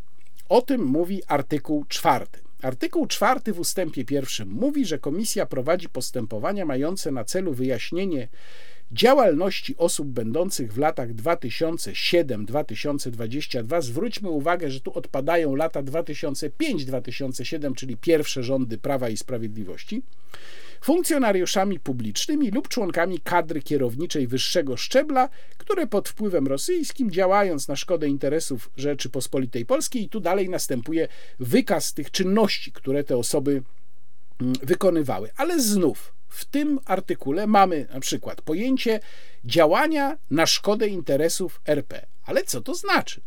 Przecież to jest całkowicie subiektywne stwierdzenie. Kto będzie decydował, co było działaniem na szkodę interesów RP? No, członkowie komisji. A członków komisji w tej sprawie nie obowiązują żadne ograniczenia. Oni mogą na przykład uznać, że każde działanie sprzeczne z linią polityki zagranicznej Prawa i Sprawiedliwości było działaniem na szkodę RP. I koniec. Mają do tego prawo. Tak jest zbudowana ta komisja. I ustęp drugi tego artykułu czwartego mówi: Komisja bada również przypadki wpływów rosyjskich na działalność osób innych niż wskazane w ustępie pierwszym, o ile w istotny sposób oddziaływały one na bezpieczeństwo wewnętrzne lub godziły w interesy RP. I tu przypadki są takie jak wpływ, te osoby miałyby wpływ na znaczący wpływ na środki masowego przekazu, działalność związków zawodowych, stowarzyszeń, ale również organizacja opieki zdrowotnej, w szczególności zwalczania chorób zakaźnych, czyli tu jest możliwość uderzenia w te osoby, które kontestowały, protestowały przeciwko rządowej linii epidemicznej. No przecież pamiętamy tę pisowską narrację, że to ruskie onuce tylko protestują przeciwko temu, jaką genialną politykę pandemiczną rząd prowadzi. No to proszę bardzo, mamy tutaj właśnie odbicie mm, tamtych y, oskarżeń czy, czy, czy, czy twierdzeń. Artykuł 5 i artykuł 37 mówią o środkach zaradczych, które tak naprawdę są po prostu środkami karnymi de facto. E, I tutaj są trzy takie środki. Po pierwsze, to jest e, zakaz do 10 lat zajmowania stanowisk związanych z dysponowaniem środkami publicznymi, czyli praktycznie wszelkich stanowisk w administracji publicznej, e, ale także w administracji samorządowej. Tak samo do 10 lat ograniczenie dostępu do informacji niejawnych, no to jest z kolei wyeliminowanie na przykład posła z pracy w każdej mm, z komisji, gdzie taki certyfikat jest y, potrzebny, ale także wyeliminowanie go z y, części innych aktywności, czy mm, danej osoby z posiedzeń rządu, które wymagają właśnie dostępu do informacji niejawnych. No i też do 10 lat to zadziwiające, zadziwiająca sankcja, y, pozbawienie możliwości posiadania broni lub występowania o pozwolenie. I powtarzam, mam wrażenie, że to jest sankcja skierowana, wymyślona konkretnie dla konkretnej osoby. To jest jakaś zadziwiająca sprawa. Ja mam wrażenie, że ktoś, kto pisał tę mm, ustawę, myślał tutaj o jakiejś konkretnej osobie, żeby ją postawić przed tą komisją i uderzyć w nią właśnie tą dziwaczną sankcją. Ważne jest to, że środków zaradczych nie można orzec wobec osób nienależących do tej kadry kierowniczej wyższego szczebla, czyli do tego szerokiego kręgu osób, na przykład potencjalnie dziennikarzy, lekarzy, działaczy samorządowych itd., tak to tutaj tych środków zaradczych orzec nie można. Jeszcze ważne jest, że wydanie administ decyzji administracyjnej, o której mowa w artykule 36 punkt 1 w stosunku do osoby, o której mowa w artykule 4 ustęp 1, czyli osoby z tej kadry kierowniczej wyższego szczebla, powoduje, że ta osoba, wobec której została wydana decyzja administracyjna, nie daje rękojmi należytego wykonywania czynności w interesie publicznym, a to oznacza, że również niektóre stanowiska gdzie taka rękojmia jest konieczna, gdzie mówi się o nieposzlakowanej opinii, że taka osoba tych stanowisk zajmować nie będzie mogła. Komisja ma też bardzo szeroki dostęp do wszelkiego rodzaju informacji.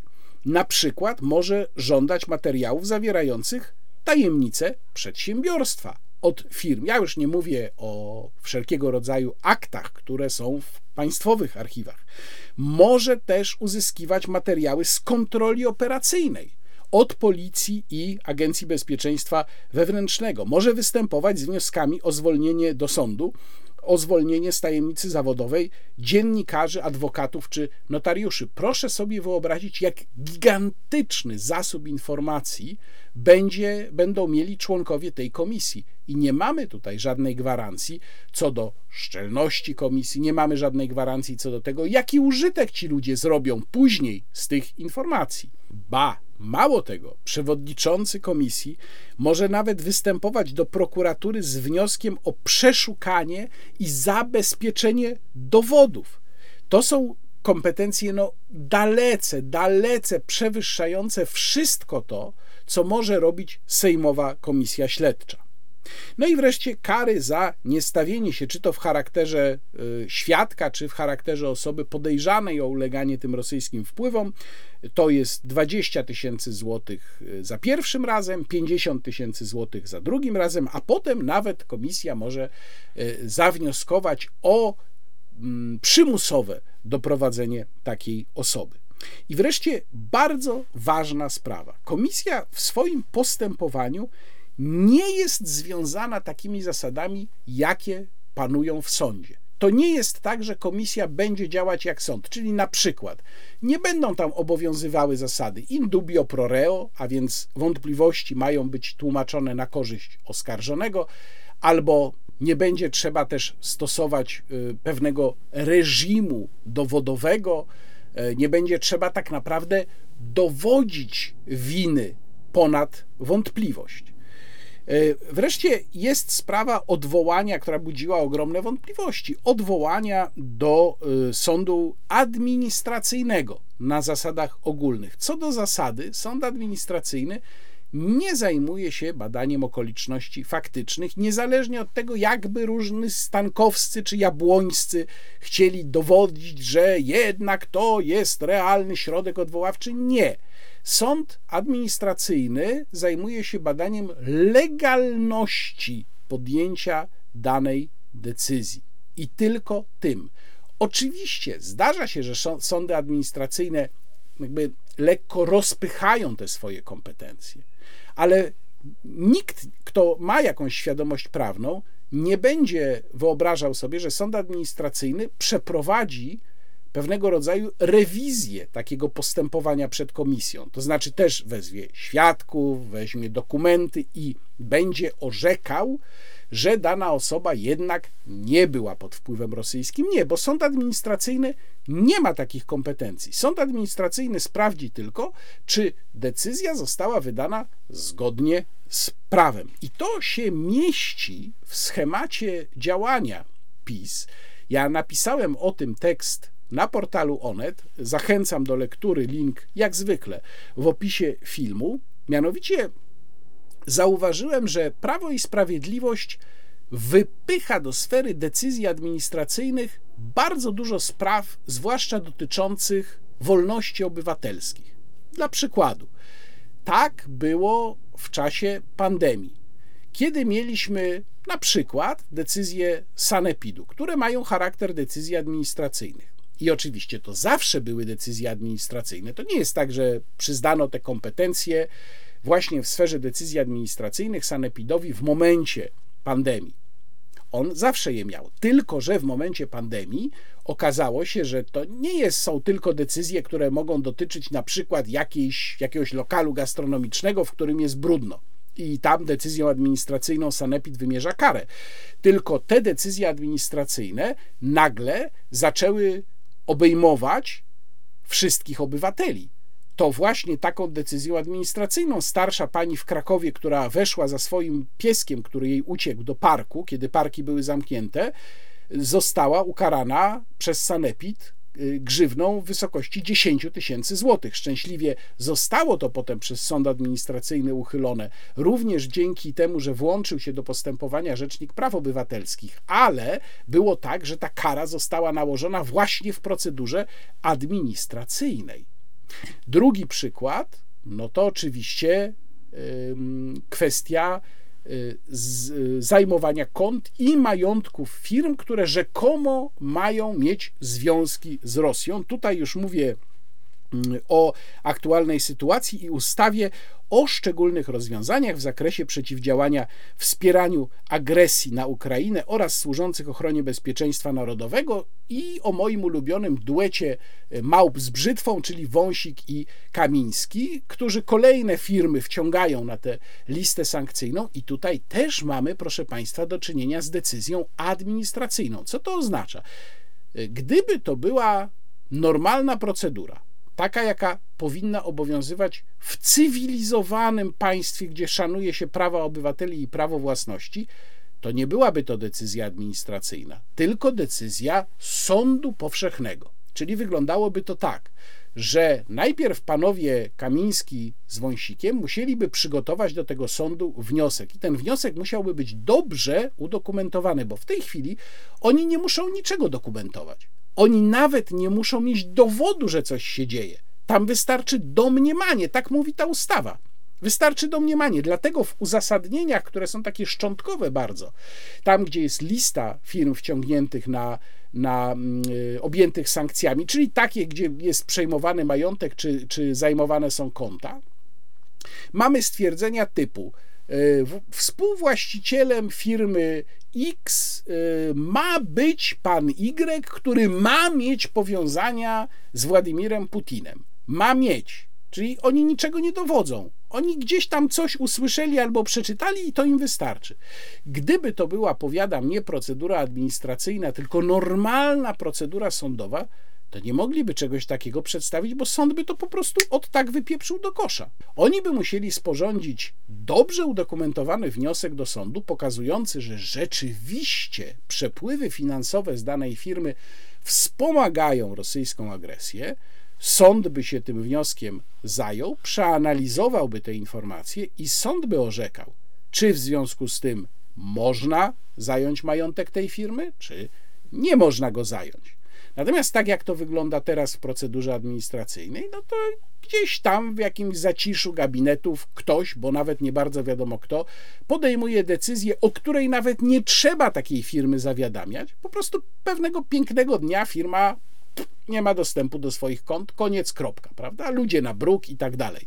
A tam w tej ustawie po rabanie, który się rozpętał, zawarto pewne rozwiązania ratunkowe, które teoretycznie mają pozwolić, żeby pracownicy tę pracę utrzymali w pewnych warunkach. Jak im się uda zawiązać spółkę pracowniczą, to mogą tę firmę wykupić, ale oczywiście to są tylko pewne półśrodki, bo tak naprawdę problem jest w tym, że to jest właśnie procedura administracyjna.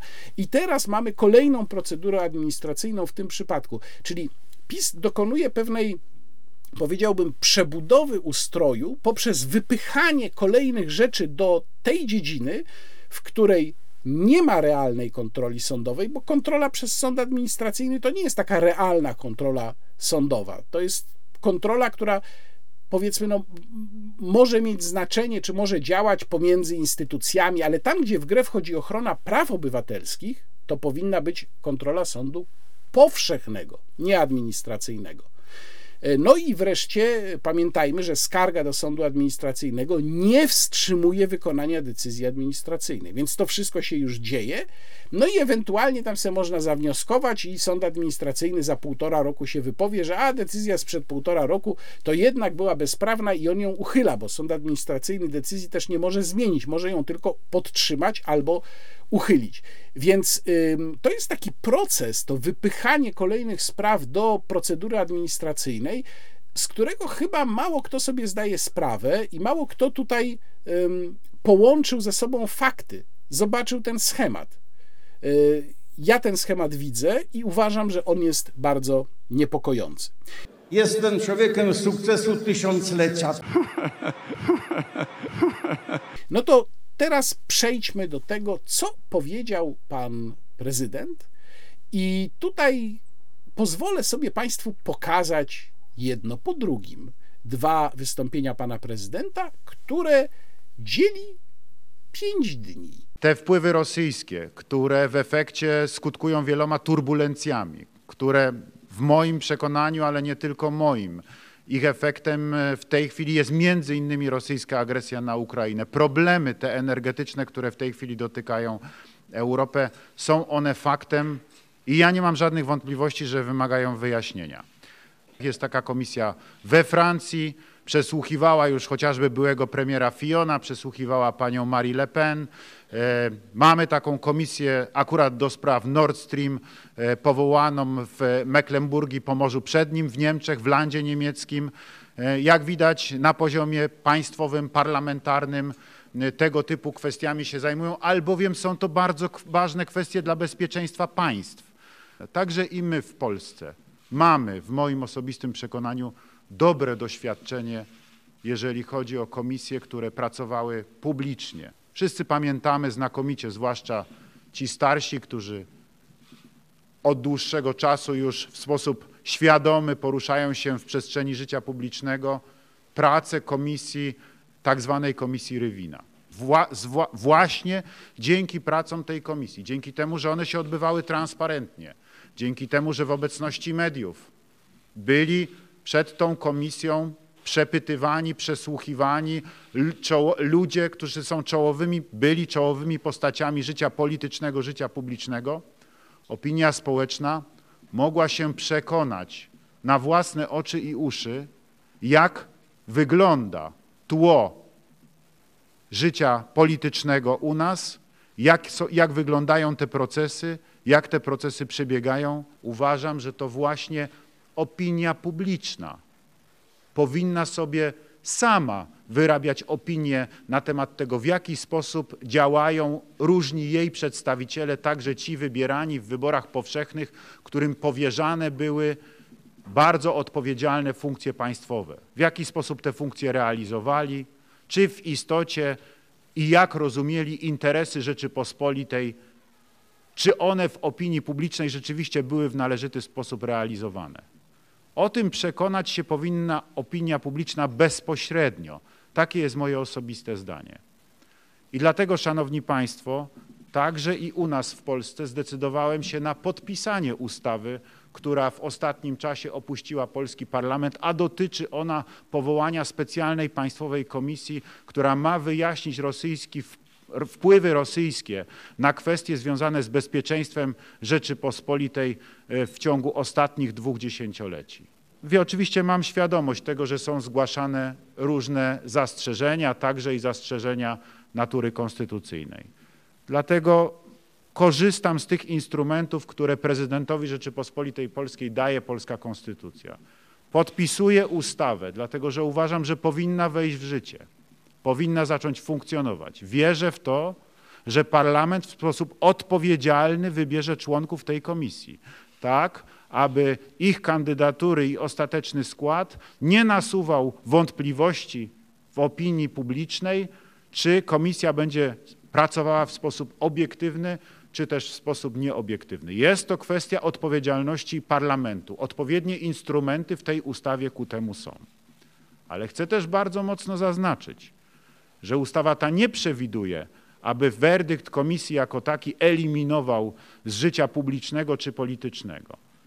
Jest możliwość skorzystania z drogi sądowej. W istocie zatem, aby można było ostatecznie rozstrzygnąć o kwestii odpowiedzialności, tutaj będzie w tej sprawie wypowiadał się sąd i w moim przekonaniu jest to bardzo silna gwarancja konstytucyjna co do możliwości odwołania się do dwuinstancyjnego sądowego postępowania. Ale ponieważ, podkreślam jeszcze raz, są osoby, które podnoszą wątpliwości konstytucyjne, korzystam z tych możliwości, które stwarza prezydentowi polska konstytucja i oprócz podpisania ustawy, co oznacza wprowadzenie jej w życie, jednocześnie skieruję ją także w tak zwanym trybie następczym do Trybunału Konstytucyjnego. Wielokrotnie uczestniczyłem w dyskusjach, które dotyczyły kwestii wpływów rosyjskich i rosyjskich prób zakupienia najważniejszych gałęzi polskiego przemysłu, choćby azotów naszych czy lotosu. Wszyscy pamiętamy te dyskusje, wszyscy pamiętamy różne wypowiedzi polityków. Nigdy w istocie nie dowiedzieliśmy się, bo nigdy tego nie powiedziano, nigdy tego nie przyznano, nie ujawniono, jakie były kulisy działań, które do takich decyzji miały prowadzić. Bo faktem jest, że te decyzje silnymi różnego rodzaju oddziaływaniami i walkami zostały na szczęście zatrzymane i nie sprzedano polskich pereł w koronie, takich jak Azoty czy Lotos, w obce ręce, w rosyjskie ręce, co wiadomo, jaki dzisiaj e, miałoby dramatyczny dla nas prawdopodobnie skutek. Udało się to zatrzymać. Pytanie jednak jest następujące. Kto za tym lobbował, aby takie decyzje były w Polsce podejmowane? Kto ułatwiał wówczas te interesy? Chciałbym to wiedzieć.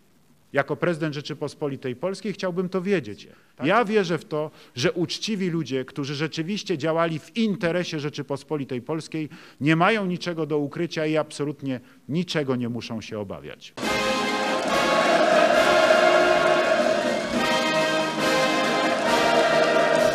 Sali w poniedziałek y, ogłosiłem swoje zdecydowane poparcie dla e, ustawy o powołaniu e, specjalnej komisji do spraw wyjaśnienia kwestii rosyjskich wpływów Rzeczypospolitej Polskiej, w szczególności ich wpływów na bezpieczeństwo naszego kraju w latach 2007-2022.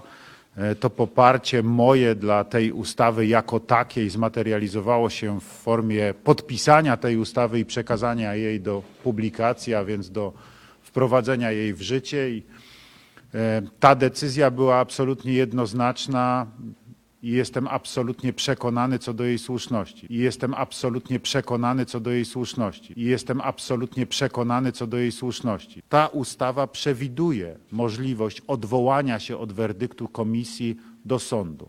Przewiduje, ponieważ taką formułę przewiduje ogólnie polski system prawny w tej postaci, że od każdej decyzji administracyjnej jeżeli ustawa nie stanowi inaczej, przysługuje skarga do Wojewódzkiego Sądu Administracyjnego.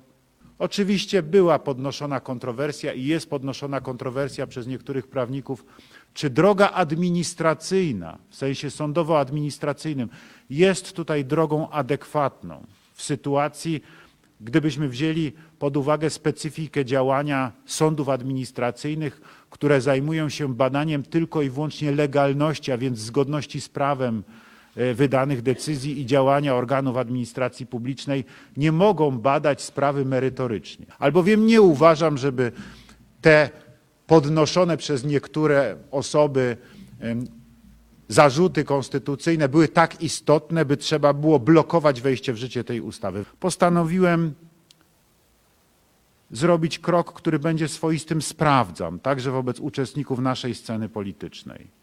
I to zarówno z obozu rządzącego, jak i z opozycji.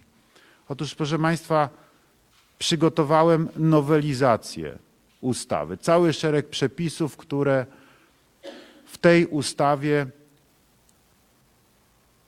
regulują dodatkowo albo zmieniają te zagadnienia, które wzbudzają największe kontrowersje, które, które są zakłamywane bardzo często w mediach. Będzie to nadal komisja, która będzie komisją zewnętrzną wobec parlamentu, bo nie chcę, aby uległa dyskontynuacji po wyborach parlamentarnych, kiedy będzie nowy parlament. Ma działać nadal, takie jest moje założenie, ale chcę, żeby w tej komisji nie było członków parlamentu i będzie to w mojej propozycji wyraźnie zapisane, że ani posłowie, ani senatorowie w tej komisji zasiadać nie mogą. To jest pierwsza sprawa. Po drugie, kwestia sądu administracyjnego, który wzbudził kontrowersję, również proponuję, aby została zmieniona i proponuję, aby środek odwoławczy od decyzji podejmowanej przez komisję kierowany był do sądu apelacyjnego. Przy czym dodatkowo jeszcze, aby rozwiać już wszelkie możliwości, jako sąd wskazany jest sąd apelacyjny w Warszawie, ale w przypadku, gdyby osoba, której dotyczyło postępowanie przed komisją i której dotyczy decyzja wydana przez komisję, życzyła sobie inaczej, to według jej życzenia właściwym sądem może być także sąd apelacyjny ustalony ze względu na miejsce jej zamieszkania. Żeby nie było, że tylko i wyłącznie sąd apelacyjny w Warszawie, ktoś, kto staje przed komisją, ktoś, kto kogo dotyczy sprawa przed komisją, będzie mógł sam zdecydować, czy chce, żeby to był sąd apelacyjny w Warszawie, czy też chce, żeby był to sąd apelacyjny właściwy dla jego miejsca zamieszkania, a więc nie sąd administracyjny, tylko sąd powszechny, z możliwością również wniesienia środka odwoławczego od orzeczenia sądu wydanego w pierwszej instancji, bo sąd apelacyjny będzie tutaj działał jako sąd pierwszej instancji. To jest moja druga propozycja w tej ustawie. Trzecia propozycja dotyczy kwestii, która wzbudziła najwięcej kontrowersji. Otóż, proszę Państwa, dotyczy środków tak zwanych zaradczych, które zostały w tej ustawie wprowadzone, między innymi w istocie zakaz sprawowania funkcji, zakaz dostępu do informacji tajnych, e, zakaz e, objętych, objętych tajemnicą państwową, zakaz, proszę Państwa, posiadania broni. To, co przede wszystkim wzbudziło takie kontrowersje, zakaz sprawowania funkcji, który był również natychmiast łączony z tym, że to ma być także i w efekcie skutkować tym, że nie będzie można startować w wyborach. Otóż, proszę Państwa, nic bardziej mylnego i dziękuję, że Państwowa Komisja Wyborcza od razu to sprostowała. Kwestii startu w wyborach nigdy ta ustawa nie dotyczyła i bardzo dobrze dotyczyć absolutnie nie powinna, bo start w wyborach jest prawem każdego obywatela. Oczywiście w granicach określonych konstytucją. Natomiast ja, proszę Państwa, proponuję żeby te środki zaradcze zostały zlikwidowane. I proponuję, aby na ich miejsce pozostało tylko stwierdzenie komisji, że osoba, wobec której ustalono, że działała pod rosyjskimi wpływami, że taka osoba nie daje rękojmi należytego wykonywania czynności w interesie publicznym. Praktycznie wszystkie działania komisji, w szczególności rozprawy przed komisją i przesłuchania przed komisją będą jawne. Poza wyjątkowymi sytuacjami, kiedy będą dotyczyły bardzo wysokiej klauzuli tajemnicy państwowej.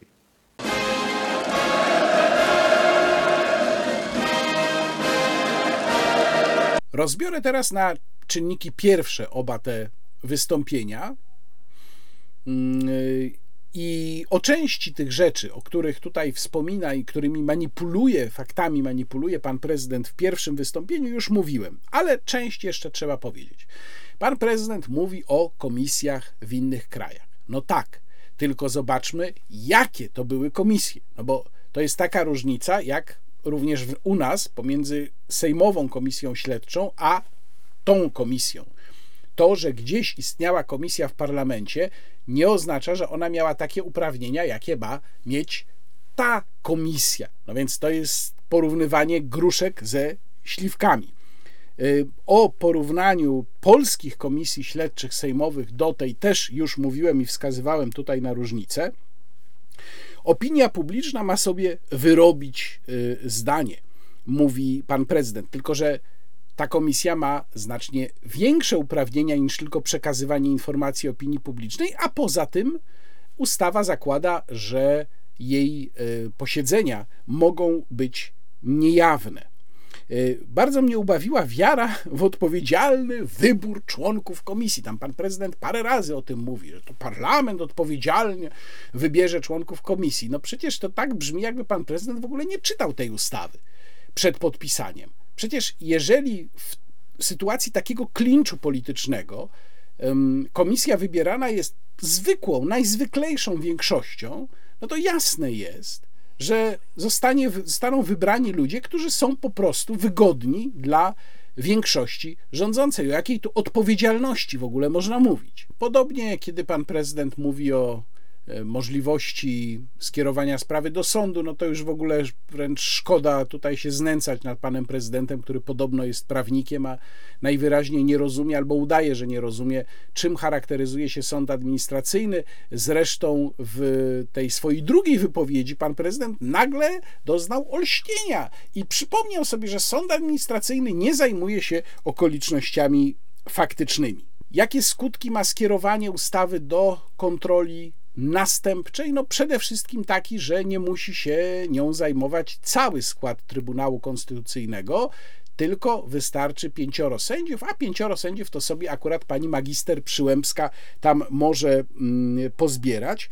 Natomiast y, jest też taka hipoteza i ona mi się wydaje dosyć rozsądna, że to skierowanie ustawy w trybie następczym do Trybunału Konstytucyjnego miało być swego rodzaju bezpiecznikiem. To znaczy, tworzymy komisję przed wyborami, a gdyby się tak zdarzyło, że przegramy wybory, przegramy w sensie nie będziemy rządzić po tych wyborach, to wtedy Trybunał Konstytucyjny już po wyborach orzeka niekonstytucyjność ustawy i w związku z tym komisja musi przestać działać. No po to po prostu, żeby ona się nie zajęła politykami PiS, bo przecież jest zupełnie oczywiste, że jeżeli tę komisję, ten instrument mogłaby przejąć opozycja spod znaku koalicji obywatelskiej, no to zmieni sobie członków komisji, bo jest taka możliwość, można członków komisji odwołać, taką możliwość daje mm, ustawa i po prostu mianuje swoich i wtedy pyk przed komisję Jarosław Kaczyński, pyk przed komisję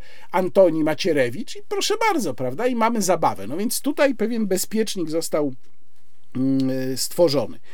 Y, zabawne jest też, kiedy pan prezydent mówi, że chciałby wiedzieć jako prezydent i jako obywatel, kto lobbował za sprzedaniem Rosjanom ważnych polskich firm. Ale panie prezydencie, Pana obóz to rządzi w Polsce 7 lat z kawałkiem. To wy nie mogliście się dowiedzieć przez 7 lat z kawałkiem, kto lobbował? To potrzebujecie teraz stworzyć komisję?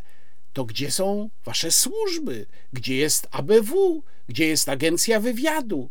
Co wyście robili w takim razie przez 7 lat z kawałkiem? No to jest po prostu przyznanie się do porażającej nieudolności, panie prezydencie.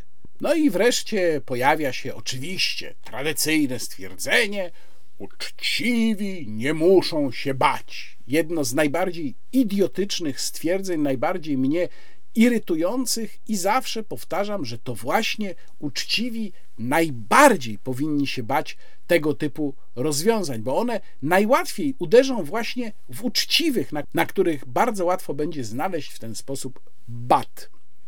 I teraz drugie wystąpienie prezydenta, w nim też znalazły się manipulacje, e, manipulacja dotycząca prawa odwołania się do sądu, choć tu już pan prezydent wykazał się zrozumieniem, przypomniał sobie, jak działa sąd administracyjny. Mm, e, została też zachowana, zostaje zachowana możliwość stwierdzenia, że dana osoba nie daje rękojmi należytego sprawowania funkcji publicznych, czyli to w zasadzie nadal jest taka sankcja, która e, może spowodować, że ktoś nie będzie mógł zajmować pewnych stanowisk, chociaż ze względu na inne zmiany, które pan prezydent zaproponował e, w swojej ustawie, mm, nie byłoby to, nie obowiązywałoby to już od samego początku. Bo jakie to są zmiany? I tutaj pozwolą Państwo, że przeczytam Państwu, czy pokażę Państwu, opowiem, co zawiera e, prezydencka ustawa, która ma zmieniać ustawę o komisji. Otóż tak, po pierwsze, mamy tam zakaz umieszczania w komisji, zasiadania w komisji posłów i senatorów. Moim zdaniem jest to sprawa kompletnie bez znaczenia. E, nie wiem, prawdę mówiąc, po co to jest panu prezydentowi. Chyba to jest taki efekt tylko, no, że niby komisja nie jest upolityczniona, ale tak naprawdę wiadomo, mm, że e, Prawo i Sprawiedliwość i tak mianowałoby do tej komisji, jeżeli to by byli właśnie inni ludzie niż politycy, to mianowałoby do tej komisji pewnych ekspertów, pewnych, takich, co do których ma pewność, że oni zrobią to, czego PiS sobie życzy. Więc to akurat nie jest żadna gwarancja.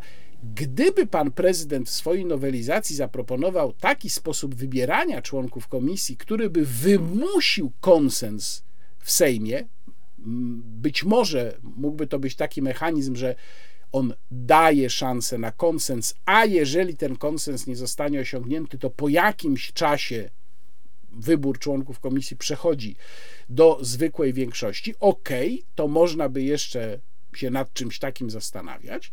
Natomiast pozostawienie tego mechanizmu wyboru, nawet w połączeniu z tą regulacją, zerowe znaczenie. Ciekawe jest, że pan prezydent postanowił ograniczyć rolę premiera w tej sprawie, bo odbiera mu możliwość wyznaczania przewodniczącego komisji. Tego przewodniczącego mieliby spośród siebie wybierać w jawnym głosowaniu sami członkowie w ciągu 14 dni od zapewnienia składu komisji i również odbiera premierowi możliwość nadawania komisji regulaminu. Ten regulamin również ma uchwalać sama komisja. A wybór przewodniczącego dokonany przed wejściem w życie tej ustawy prezydenckiej ma być bezskuteczny, co ciekawe. Rozprawa w toku postępowania komisji staje się obowiązkowa, a nie fakultatywna. Czyli rozumiem, że tu pan prezydent pokazuje, że tak zależy mu na tej jawności, że ta jawność ma być właśnie realizowana poprzez tę obowiązkową rozprawę. Wprowadzony jest też zakaz przesłuchiwania jako świadka adwokata co do faktów, o których dowiedział się prowadząc sprawę. No, bardzo ważną rzeczą jest oczywiście usunięcie tych nieszczęsnych trzech środków zaradczych, natomiast apelacja od decyzji, przypominam, pozostaje decyzja administracyjna, w której się stwierdza, że ktoś działał pod wpływem rosyjskim, a także jednocześnie, że ten ktoś nie daje rękojmi należytego sprawowania funkcji publicznych. Otóż apelacja od tej decyzji, to jest właśnie bardzo ważne też, nie do sądu administracyjnego, ale do sądu apelacyjnego albo w Warszawie, albo jeżeli ktoś sobie życzy, to do sądu apelacyjnego w miejscu jego zamieszkania mm, i od tego ma przysługiwać skarga kasacyjna do Sądu Najwyższego, natomiast wniesienie tej tej skargi do sądu apelacyjnego, to też ważne, ma wstrzymywać wykonanie decyzji komisji. No więc y, nowelizacja w zasadzie wybija ustawie zęby, natomiast pozostawia jej zasadnicze wady, czyli po pierwsze, mglistość definicji, dowolność kreowania oskarżeń przez członków komisji. Absurdalnie szeroki zakres osób, które mogą być wzywane przed komisję, no i całkowite de facto upartyjnienie komisji, mimo że mm, nie mają w niej już zasiadać, mają nie móc w niej zasiadać posłowie i senatorowie. Mm, tak naprawdę jednak te zmiany są tak daleko posunięte, że y, kompletnie bezsensowny staje się ten podpis, który, przypominam, od zgłoszenia projektu nowelizacji ustawy dzieli 5 y, dni. Dlaczego y, Andrzej Duda nie zawetował tej ustawy, skoro ta, te poprawki to w zasadzie jest nowa ustawa? Gdyby chciał być logiczny, gdyby to wszystko opierało się na względach czysto merytorycznych, no to tak powinien był zrobić, czyli zgłosić weto do ustawy, powiedzieć, proszę Państwa, e, tutaj mam, albo tam, nie wiem, w ciągu tygodnia pokażę Państwu projekt nowej ustawy, która moim zdaniem będzie lepiej spełniała te role. To by miało jakiś sens. Natomiast to, co Pan Prezydent wykonał, no merytorycznie rzecz biorąc, nie ma sensu żadnego. Więc powstaje pytanie, dlaczego to wykonał? Po pierwsze, dlaczego podpisał tę ustawę i dlaczego przede wszystkim zrobił to tak szybko, czyli przed marszem 4 czerwca. No i tutaj możliwych jest kilka wyjaśnień. Pierwsze wyjaśnienie, i ja myślę, że bardzo możliwe, że prawdziwe, dlatego że niestety takie czysto powiedziałbym merkantylne względy nierzadko wchodzą w grę, to była być może chęć uzyskania poparcia Prawa i Sprawiedliwości dla siebie przyszłości e, po 2025 roku w przypadku kandydowania na jakieś międzynarodowe stanowisko, bo przecież tutaj bez poparcia rządu się mm, nie obejdzie. E, I również jest kwestia wciągnięcia na listy wyborcze współpracowników pana prezydenta, a wiemy, że mm, kilkoro z nich chce kandydować w najbliższych wyborach parlamentarnych. Możliwe też, że zadziałała taka hunwejbińska chęć rozprawienia się z tymi wszechobecnymi rosyjskimi wpływami, czyli że w części to był szczery zamiar. Również jest możliwe, że to wszystko połączyło się z próbą wzmocnienia polaryzacji, czyli właśnie napędzenia e, marszu 4 czerwca, a dokładnie napędzenia Donalda Tuska. Donalda Tuska zrobimy głównym naszym oponentem, jeżeli chodzi o komisję, i to wzmocni jego pozycję w opozycji. Dzięki temu będziemy mieli naprzeciwko siebie przede wszystkim Donalda Tuska, a nie tych innych. Jeżeli taki był plan, to tak jak mówiłem wcześniej, omawiając marsz e, niedzielny, poszło za dobrze.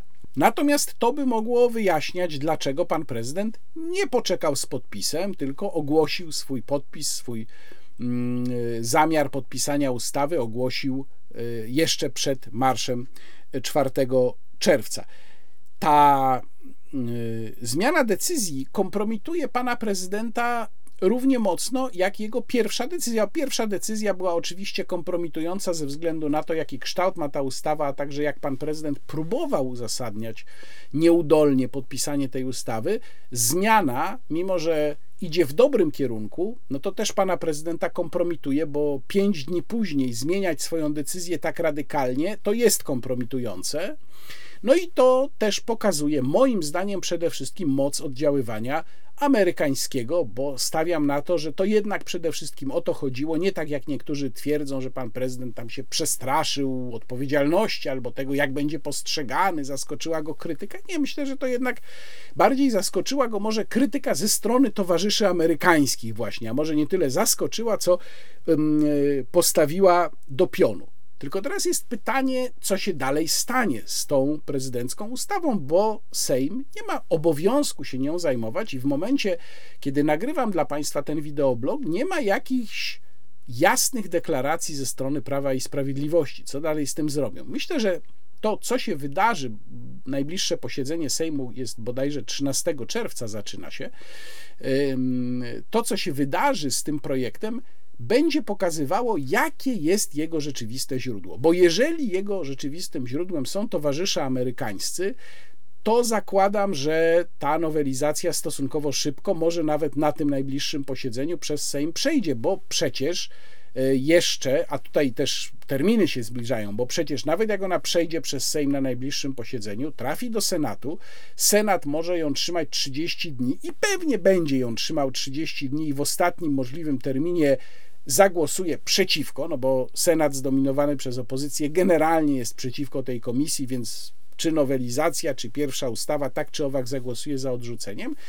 No i potem na kolejnym posiedzeniu dopiero będzie można odrzucić sprzeciw Senatu i dopiero ta nowelizacja wejdzie w życie. No więc to w ogóle już z punktu widzenia reżimu czasowego dla tej komisji robi się po prostu bardzo wąsko, ale właśnie to, jak ta nowelizacja pana prezydenta zostanie potraktowana, to nam da y, asumpt do y, oceny czy stali za tym Amerykanie, czy też to jest jakiś autonomiczny plan pana prezydenta. Tak czy owak, ja uważam, że tej komisji na pewno w tej postaci być po prostu i w obecnym czasie, przy tej manii obrzucania się yy, obelgami o ruskich onucach, tej komisji po prostu w Polsce być nie powinno. To jest trochę tak, jakby dać kompletnie nieodpowiedzialnemu dziecku narzędzie do bardzo groźnej zabawy. Jestem człowiekiem sukcesu tysiąclecia. Muszę się teraz zająć sprawą przykrą. Wydawałoby się, że może trochę anegdotyczną, przyczynkarską, ale ona jednak pokazuje bardzo groźny mechanizm, czyli sprawą pana sędziego Szymona Marciniaka, sędziego piłkarskiego. Piłka nożna dziedzina kompletnie mi obca, ale czasem jest tak, że w tej zupełnie obcej mi dziedzinie też dzieje się coś mm, istotnego, co ma wpływ w ogóle na życie publiczne i to jest właśnie taki kazus. E, polecam Państwu mój tekst na temat przypadku pana sędziego Marciniaka na FPG24 Forum Polskiej Gospodarki. Link w opisie filmu. I tu przypomnę tym, którzy być może nie śledzili tego z bliska, o co tutaj chodziło. Otóż pan sędzia Szymon Marciniak, wybitny polski sędzia piłkarski, profesjonalista wysokiej klasy, odnoszący sukcesy i sędziujący najważniejsze mecze piłkarskie, wziął udział w konferencji biznesowej organizowanej przez Sławomira Mencena, współprezesa Konfederacji. Konferencja biznesowa nazywa się Everest i jak Państwo spojrzą na stronę tej konferencji, ona ma charakter najczyściej biznesowy. Tam od samego początku, od opisu konferencji jest mowa wyłącznie o biznesie, o odnoszeniu sukcesu, o tym, że to jest konferencja skierowana do y, małych firm, że mówią na niej, występują na niej ludzie, którzy taki sukces odnieśli. No i właśnie pan sędzia Marciniak jest zaliczany do takich osób, które sukces y, odniosły. Nie ma tam kompletnie nic o jakiejś partyjnej polityce. Wśród mówców, y, poza panem sędzią Marciniakiem, tu nie wymieniam wszystkich, tylko niektórych, byli między innymi Szczepan Wójcik, prezes Instytutu Gospodarki Rolnej i znany hodowca zwierząt futerkowych, Paweł Swinarski, twórca kanału dla pieniędzy, Jarosław Bieniecki, twórca Ranmagedonu, mm, takiego biegu wytrzymałościowego y, słynnego, czy Rafał Biedrzycki, twórca serwisu Strefa Inwestorów, wszyscy oni odnieśli sukces, wszyscy oni są przedsiębiorcami, więc klucz doboru mówców był czytelny, wyłącznie biznesowy. Po występie sędziego, który to występ również nie miał w sobie kompletnie nic politycznego, ale to kompletnie, zadziałało Stowarzyszenie Nigdy Więcej którym kieruje Rafał Pankowski. Teraz muszę Państwu powiedzieć, tym z Państwa, którzy być może nie wiedzą, co to takiego jest. To Stowarzyszenie Nigdy Więcej, zakładane dawno temu, bo w połowie mniej więcej lat 90. przez Rafała Pankowskiego i już nieżyjącego Marcina Kornaka. I ja to bardzo dobrze pamiętam, bo ja się tej chucpie przyglądałem jeszcze jak pisałem w studenckim piśmie Reakcja. Wtedy Stowarzyszenie Nigdy Więcej zaczynało działać i to był bardzo celny i prosty model biznesowy, bo tak to po prostu należy mm, określić. Czyli bierzemy sobie jakąś dziedzinę, w której można całymi latami zarabiać na grantach czy dotacjach. Wtedy jeszcze nie było mody na klimatyzm, bo dzisiaj no to klimatyzm jest taką bardzo dobrą dziedziną. Wtedy jeszcze tam antyfaszyzm był w grze. No i właśnie tę niszę antyfaszystowską Stowarzyszenie Nigdy Więcej zagospodarowało i w tej niszy się umościło. Marcin Kornak, jak powiedziałem, już nie żyje. E, natomiast chyba zmarł w 2014 roku, jeśli dobrze pamiętam, albo 16.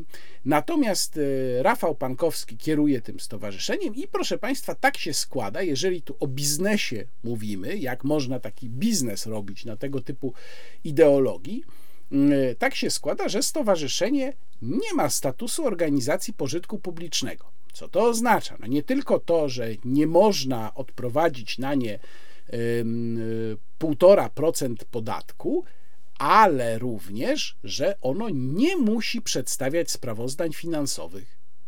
I nigdy więcej nie przedstawia sprawozdań finansowych, więc my nie wiemy, z czego ono się utrzymuje. To nie jest tak, że nie może, oczywiście mogłoby, ale tych sprawozdań finansowych nie ma. No przynajmniej ja ich nie znalazłem, a na pewno nie ma ich na stronie stowarzyszenia nigdy więcej. Za to skarbnikiem stowarzyszenia jest Zygmunt Pankowski. No to domyślam się, że chyba brat Rafała Pankowskiego. Chyba.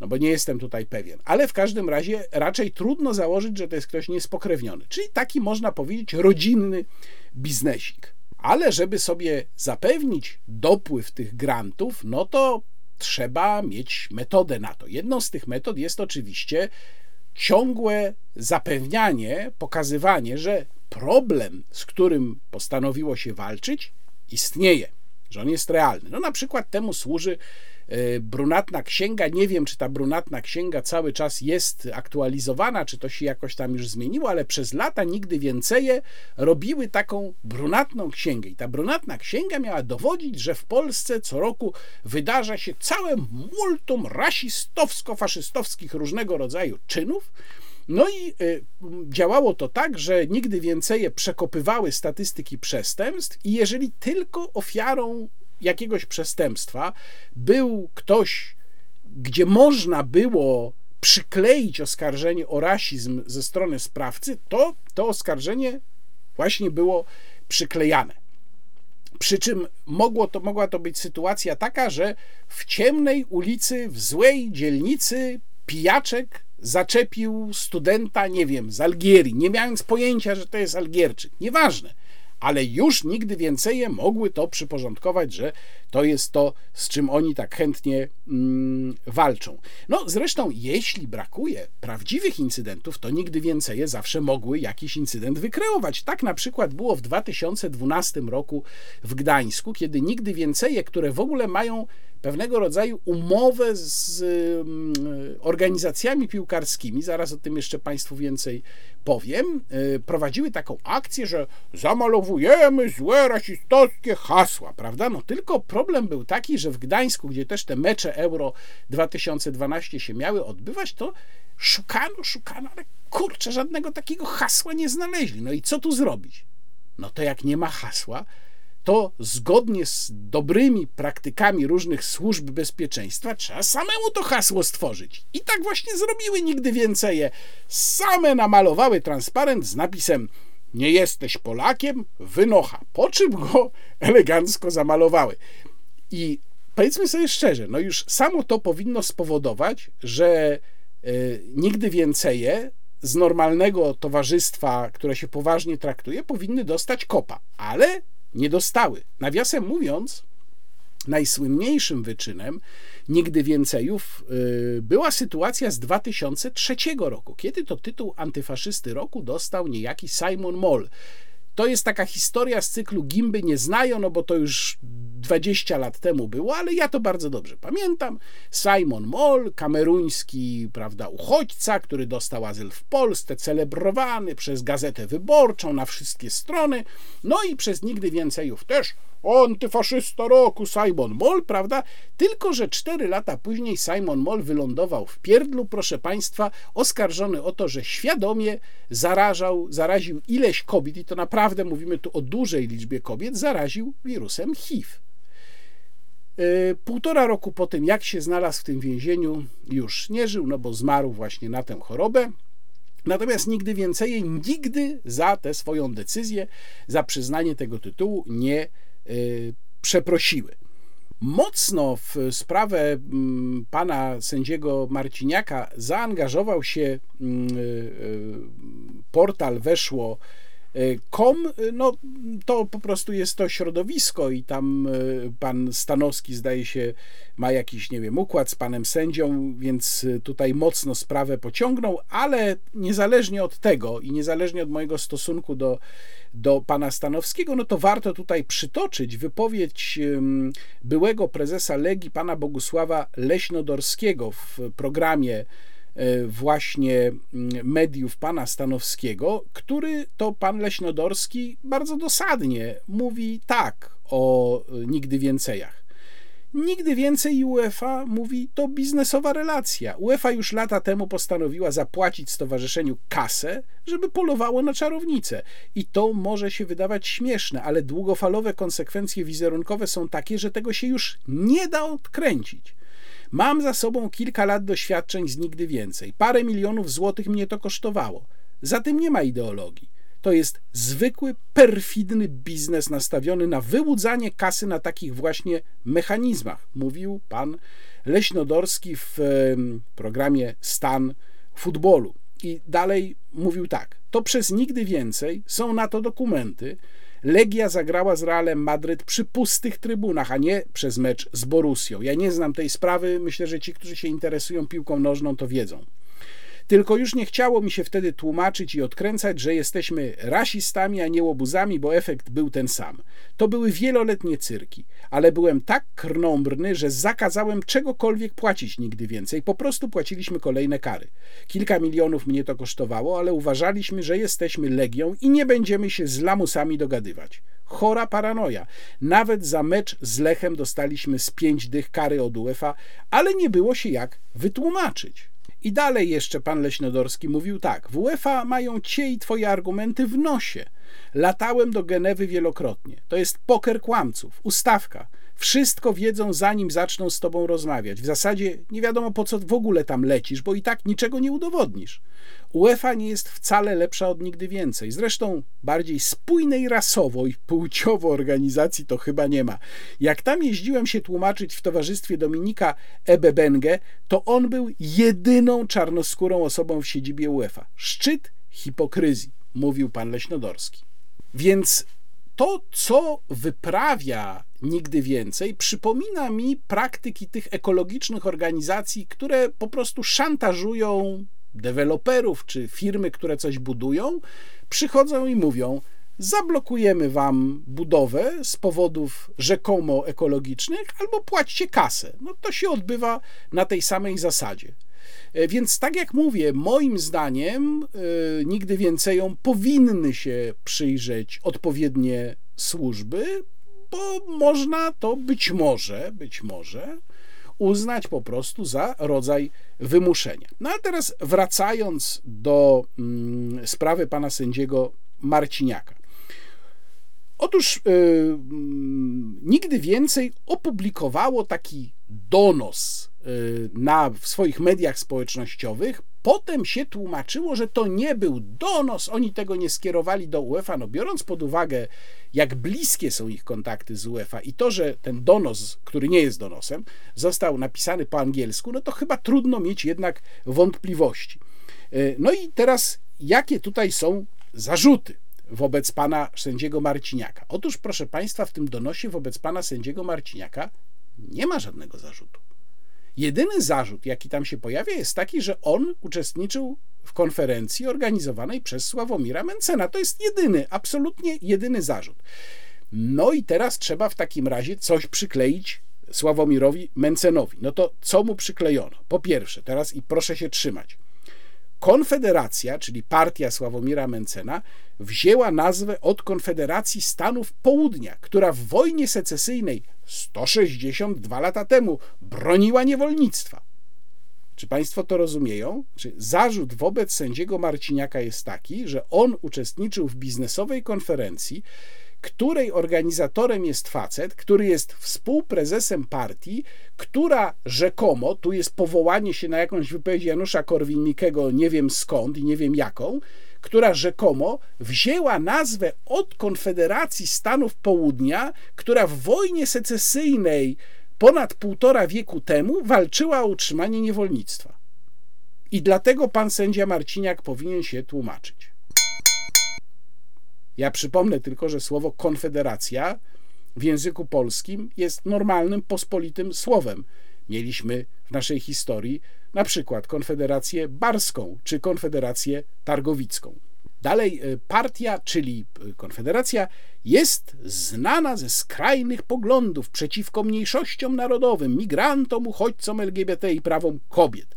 Oczywiście brak tam jakichkolwiek przykładów czy dowodów, a definicja skrajnych poglądów w wykonaniu nigdy więcejów to jest taka, że nawet by można uznać, gdyby im podsunąć taką wypowiedź anonimowo, czyli bez autora tej wypowiedzi, że i Leszek Miller ma poglądy skrajnie prawicowe.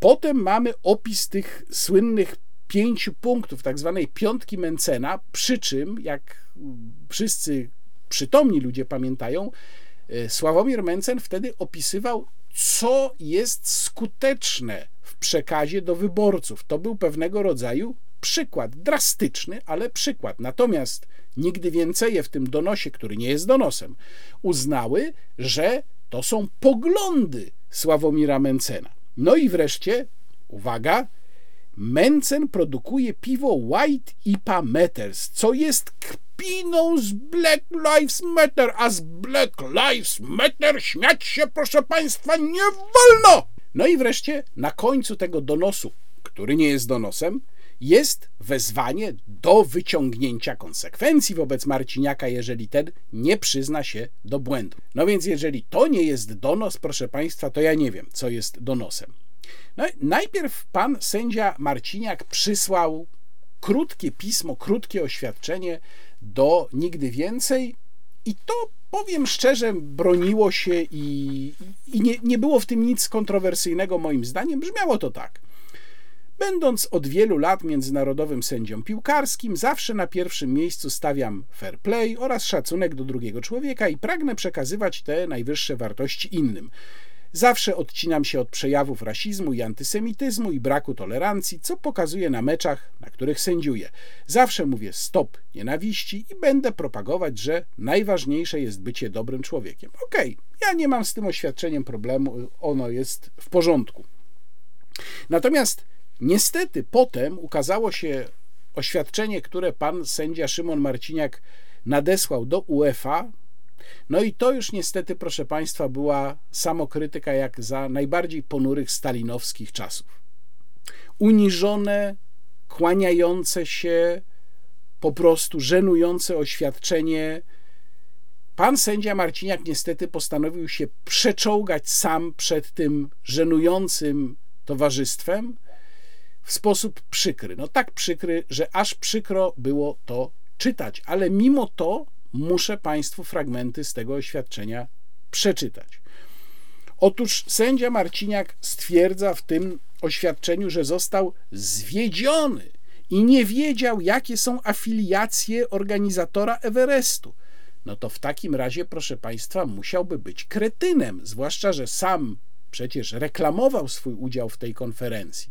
Znaczy, pan sędzia Marciniak, jak rozumiem, chce wmówić UEFA i nam wszystkim, czytelnikom tego oświadczenia, że jest debilem, który nie rozumie, z kim się umawia i dokąd idzie. To jeżeli, drogi panie sędzio Szymonie Marciniaku, ma pan takie problemy z rozeznaniem rzeczywistości, to mnie się wydaje, że pan jednak nie powinien chyba tych meczów najważniejszych yy, sędziować. Dalej, gdyby był świadom tego, z kim tam będzie miał do czynienia, to nie wziąłby udziału.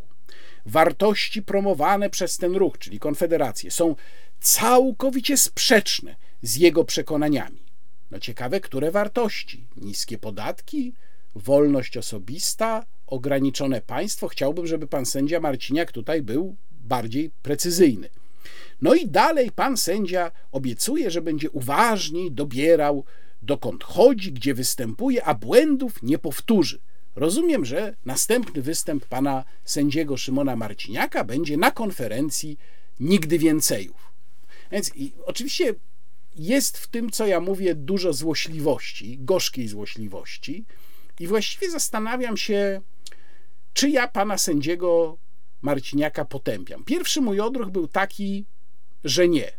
Mówię szczerze, że Oczywiście jasna to jest sytuacja. Pan sędzia Marciniak dał się złamać, żeby nie użyć tutaj gorszego określenia, które przychodzi mi na myśl, postanowił się ukorzyć, ukłonić, przeczołgać, mm, włożyć worek pokutny i postać trzy dni przed zamkiem, z którego tam pluje na niego e, pan Pankowski. No ale okej, okay, tak wybrał. Wybrał karierę, a nie walkę o wolność i, i własny honor.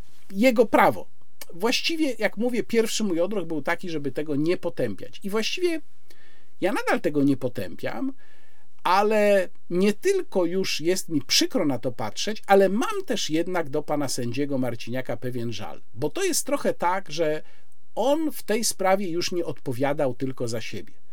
To jego zachowanie, chociaż ono dotyczy, jeśli chodzi o konsekwencje, tylko jego samego, te bezpośrednie konsekwencje, to ma też konsekwencje pośrednie.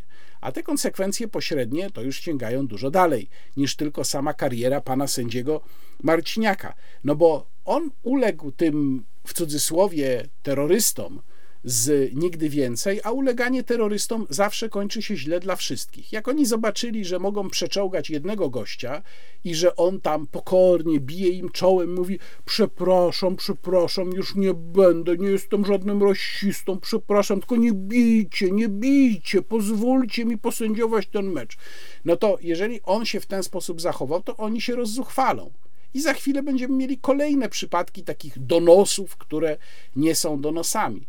Więc jeżeli kogoś to spotka, jeżeli spotka któregoś z nas, kogoś, kogo szanujemy, kogo cenimy, podobna historia, właśnie ze strony nigdy więcejów, to albo jakiejś podobnej organizacji, to też pamiętajmy, że to będzie również zasługa postawy pana sędziego Szymona Marciniaka.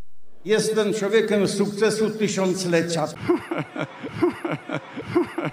Na koniec kilka słów na temat Piotrkowa Trybunalskiego, w którym byłem na spotkaniu. Jeszcze raz bardzo dziękuję panu Adamowi Ślązakowi za zaproszenie, za bardzo ciekawą opowieść o Piotrkowie. To jest w ogóle sytuacja można powiedzieć rzadka, to znaczy moim gospodarzem był człowiek, który się w Piotrkowie urodził, który w Piotrkowie mieszka, nie zamierza się z Piotrkowa wyprowadzać, który bardzo dużo wie o historii swojego miasta, a Piotrków Trybunalski jest bardzo ciekawym miastem. Ten przydomek trybunalski nie jest tutaj oczywiście przypadkowy.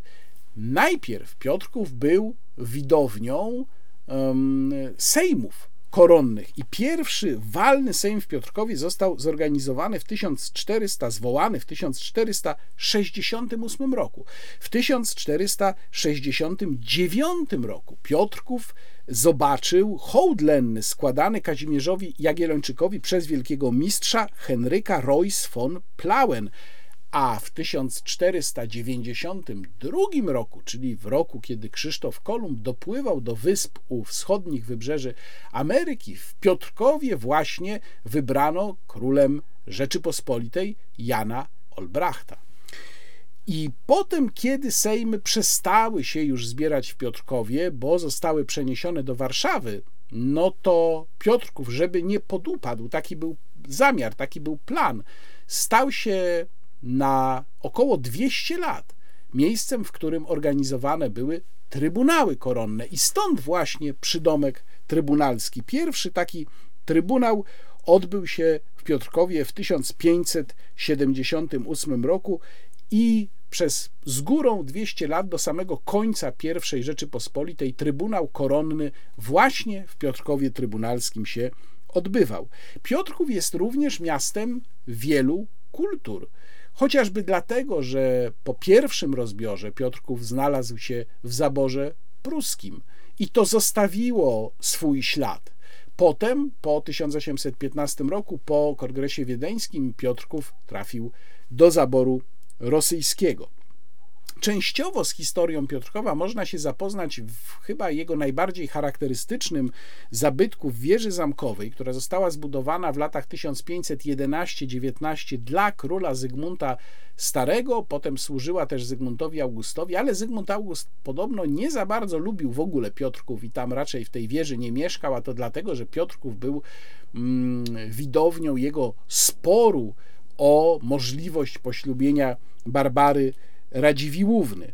Y, dopiero w latach 60. zrekonstruowano to taka ciekawostka, drugie piętro tej wieży, które zostało rozebrane w XIX wieku w czasie zaboru rosyjskiego.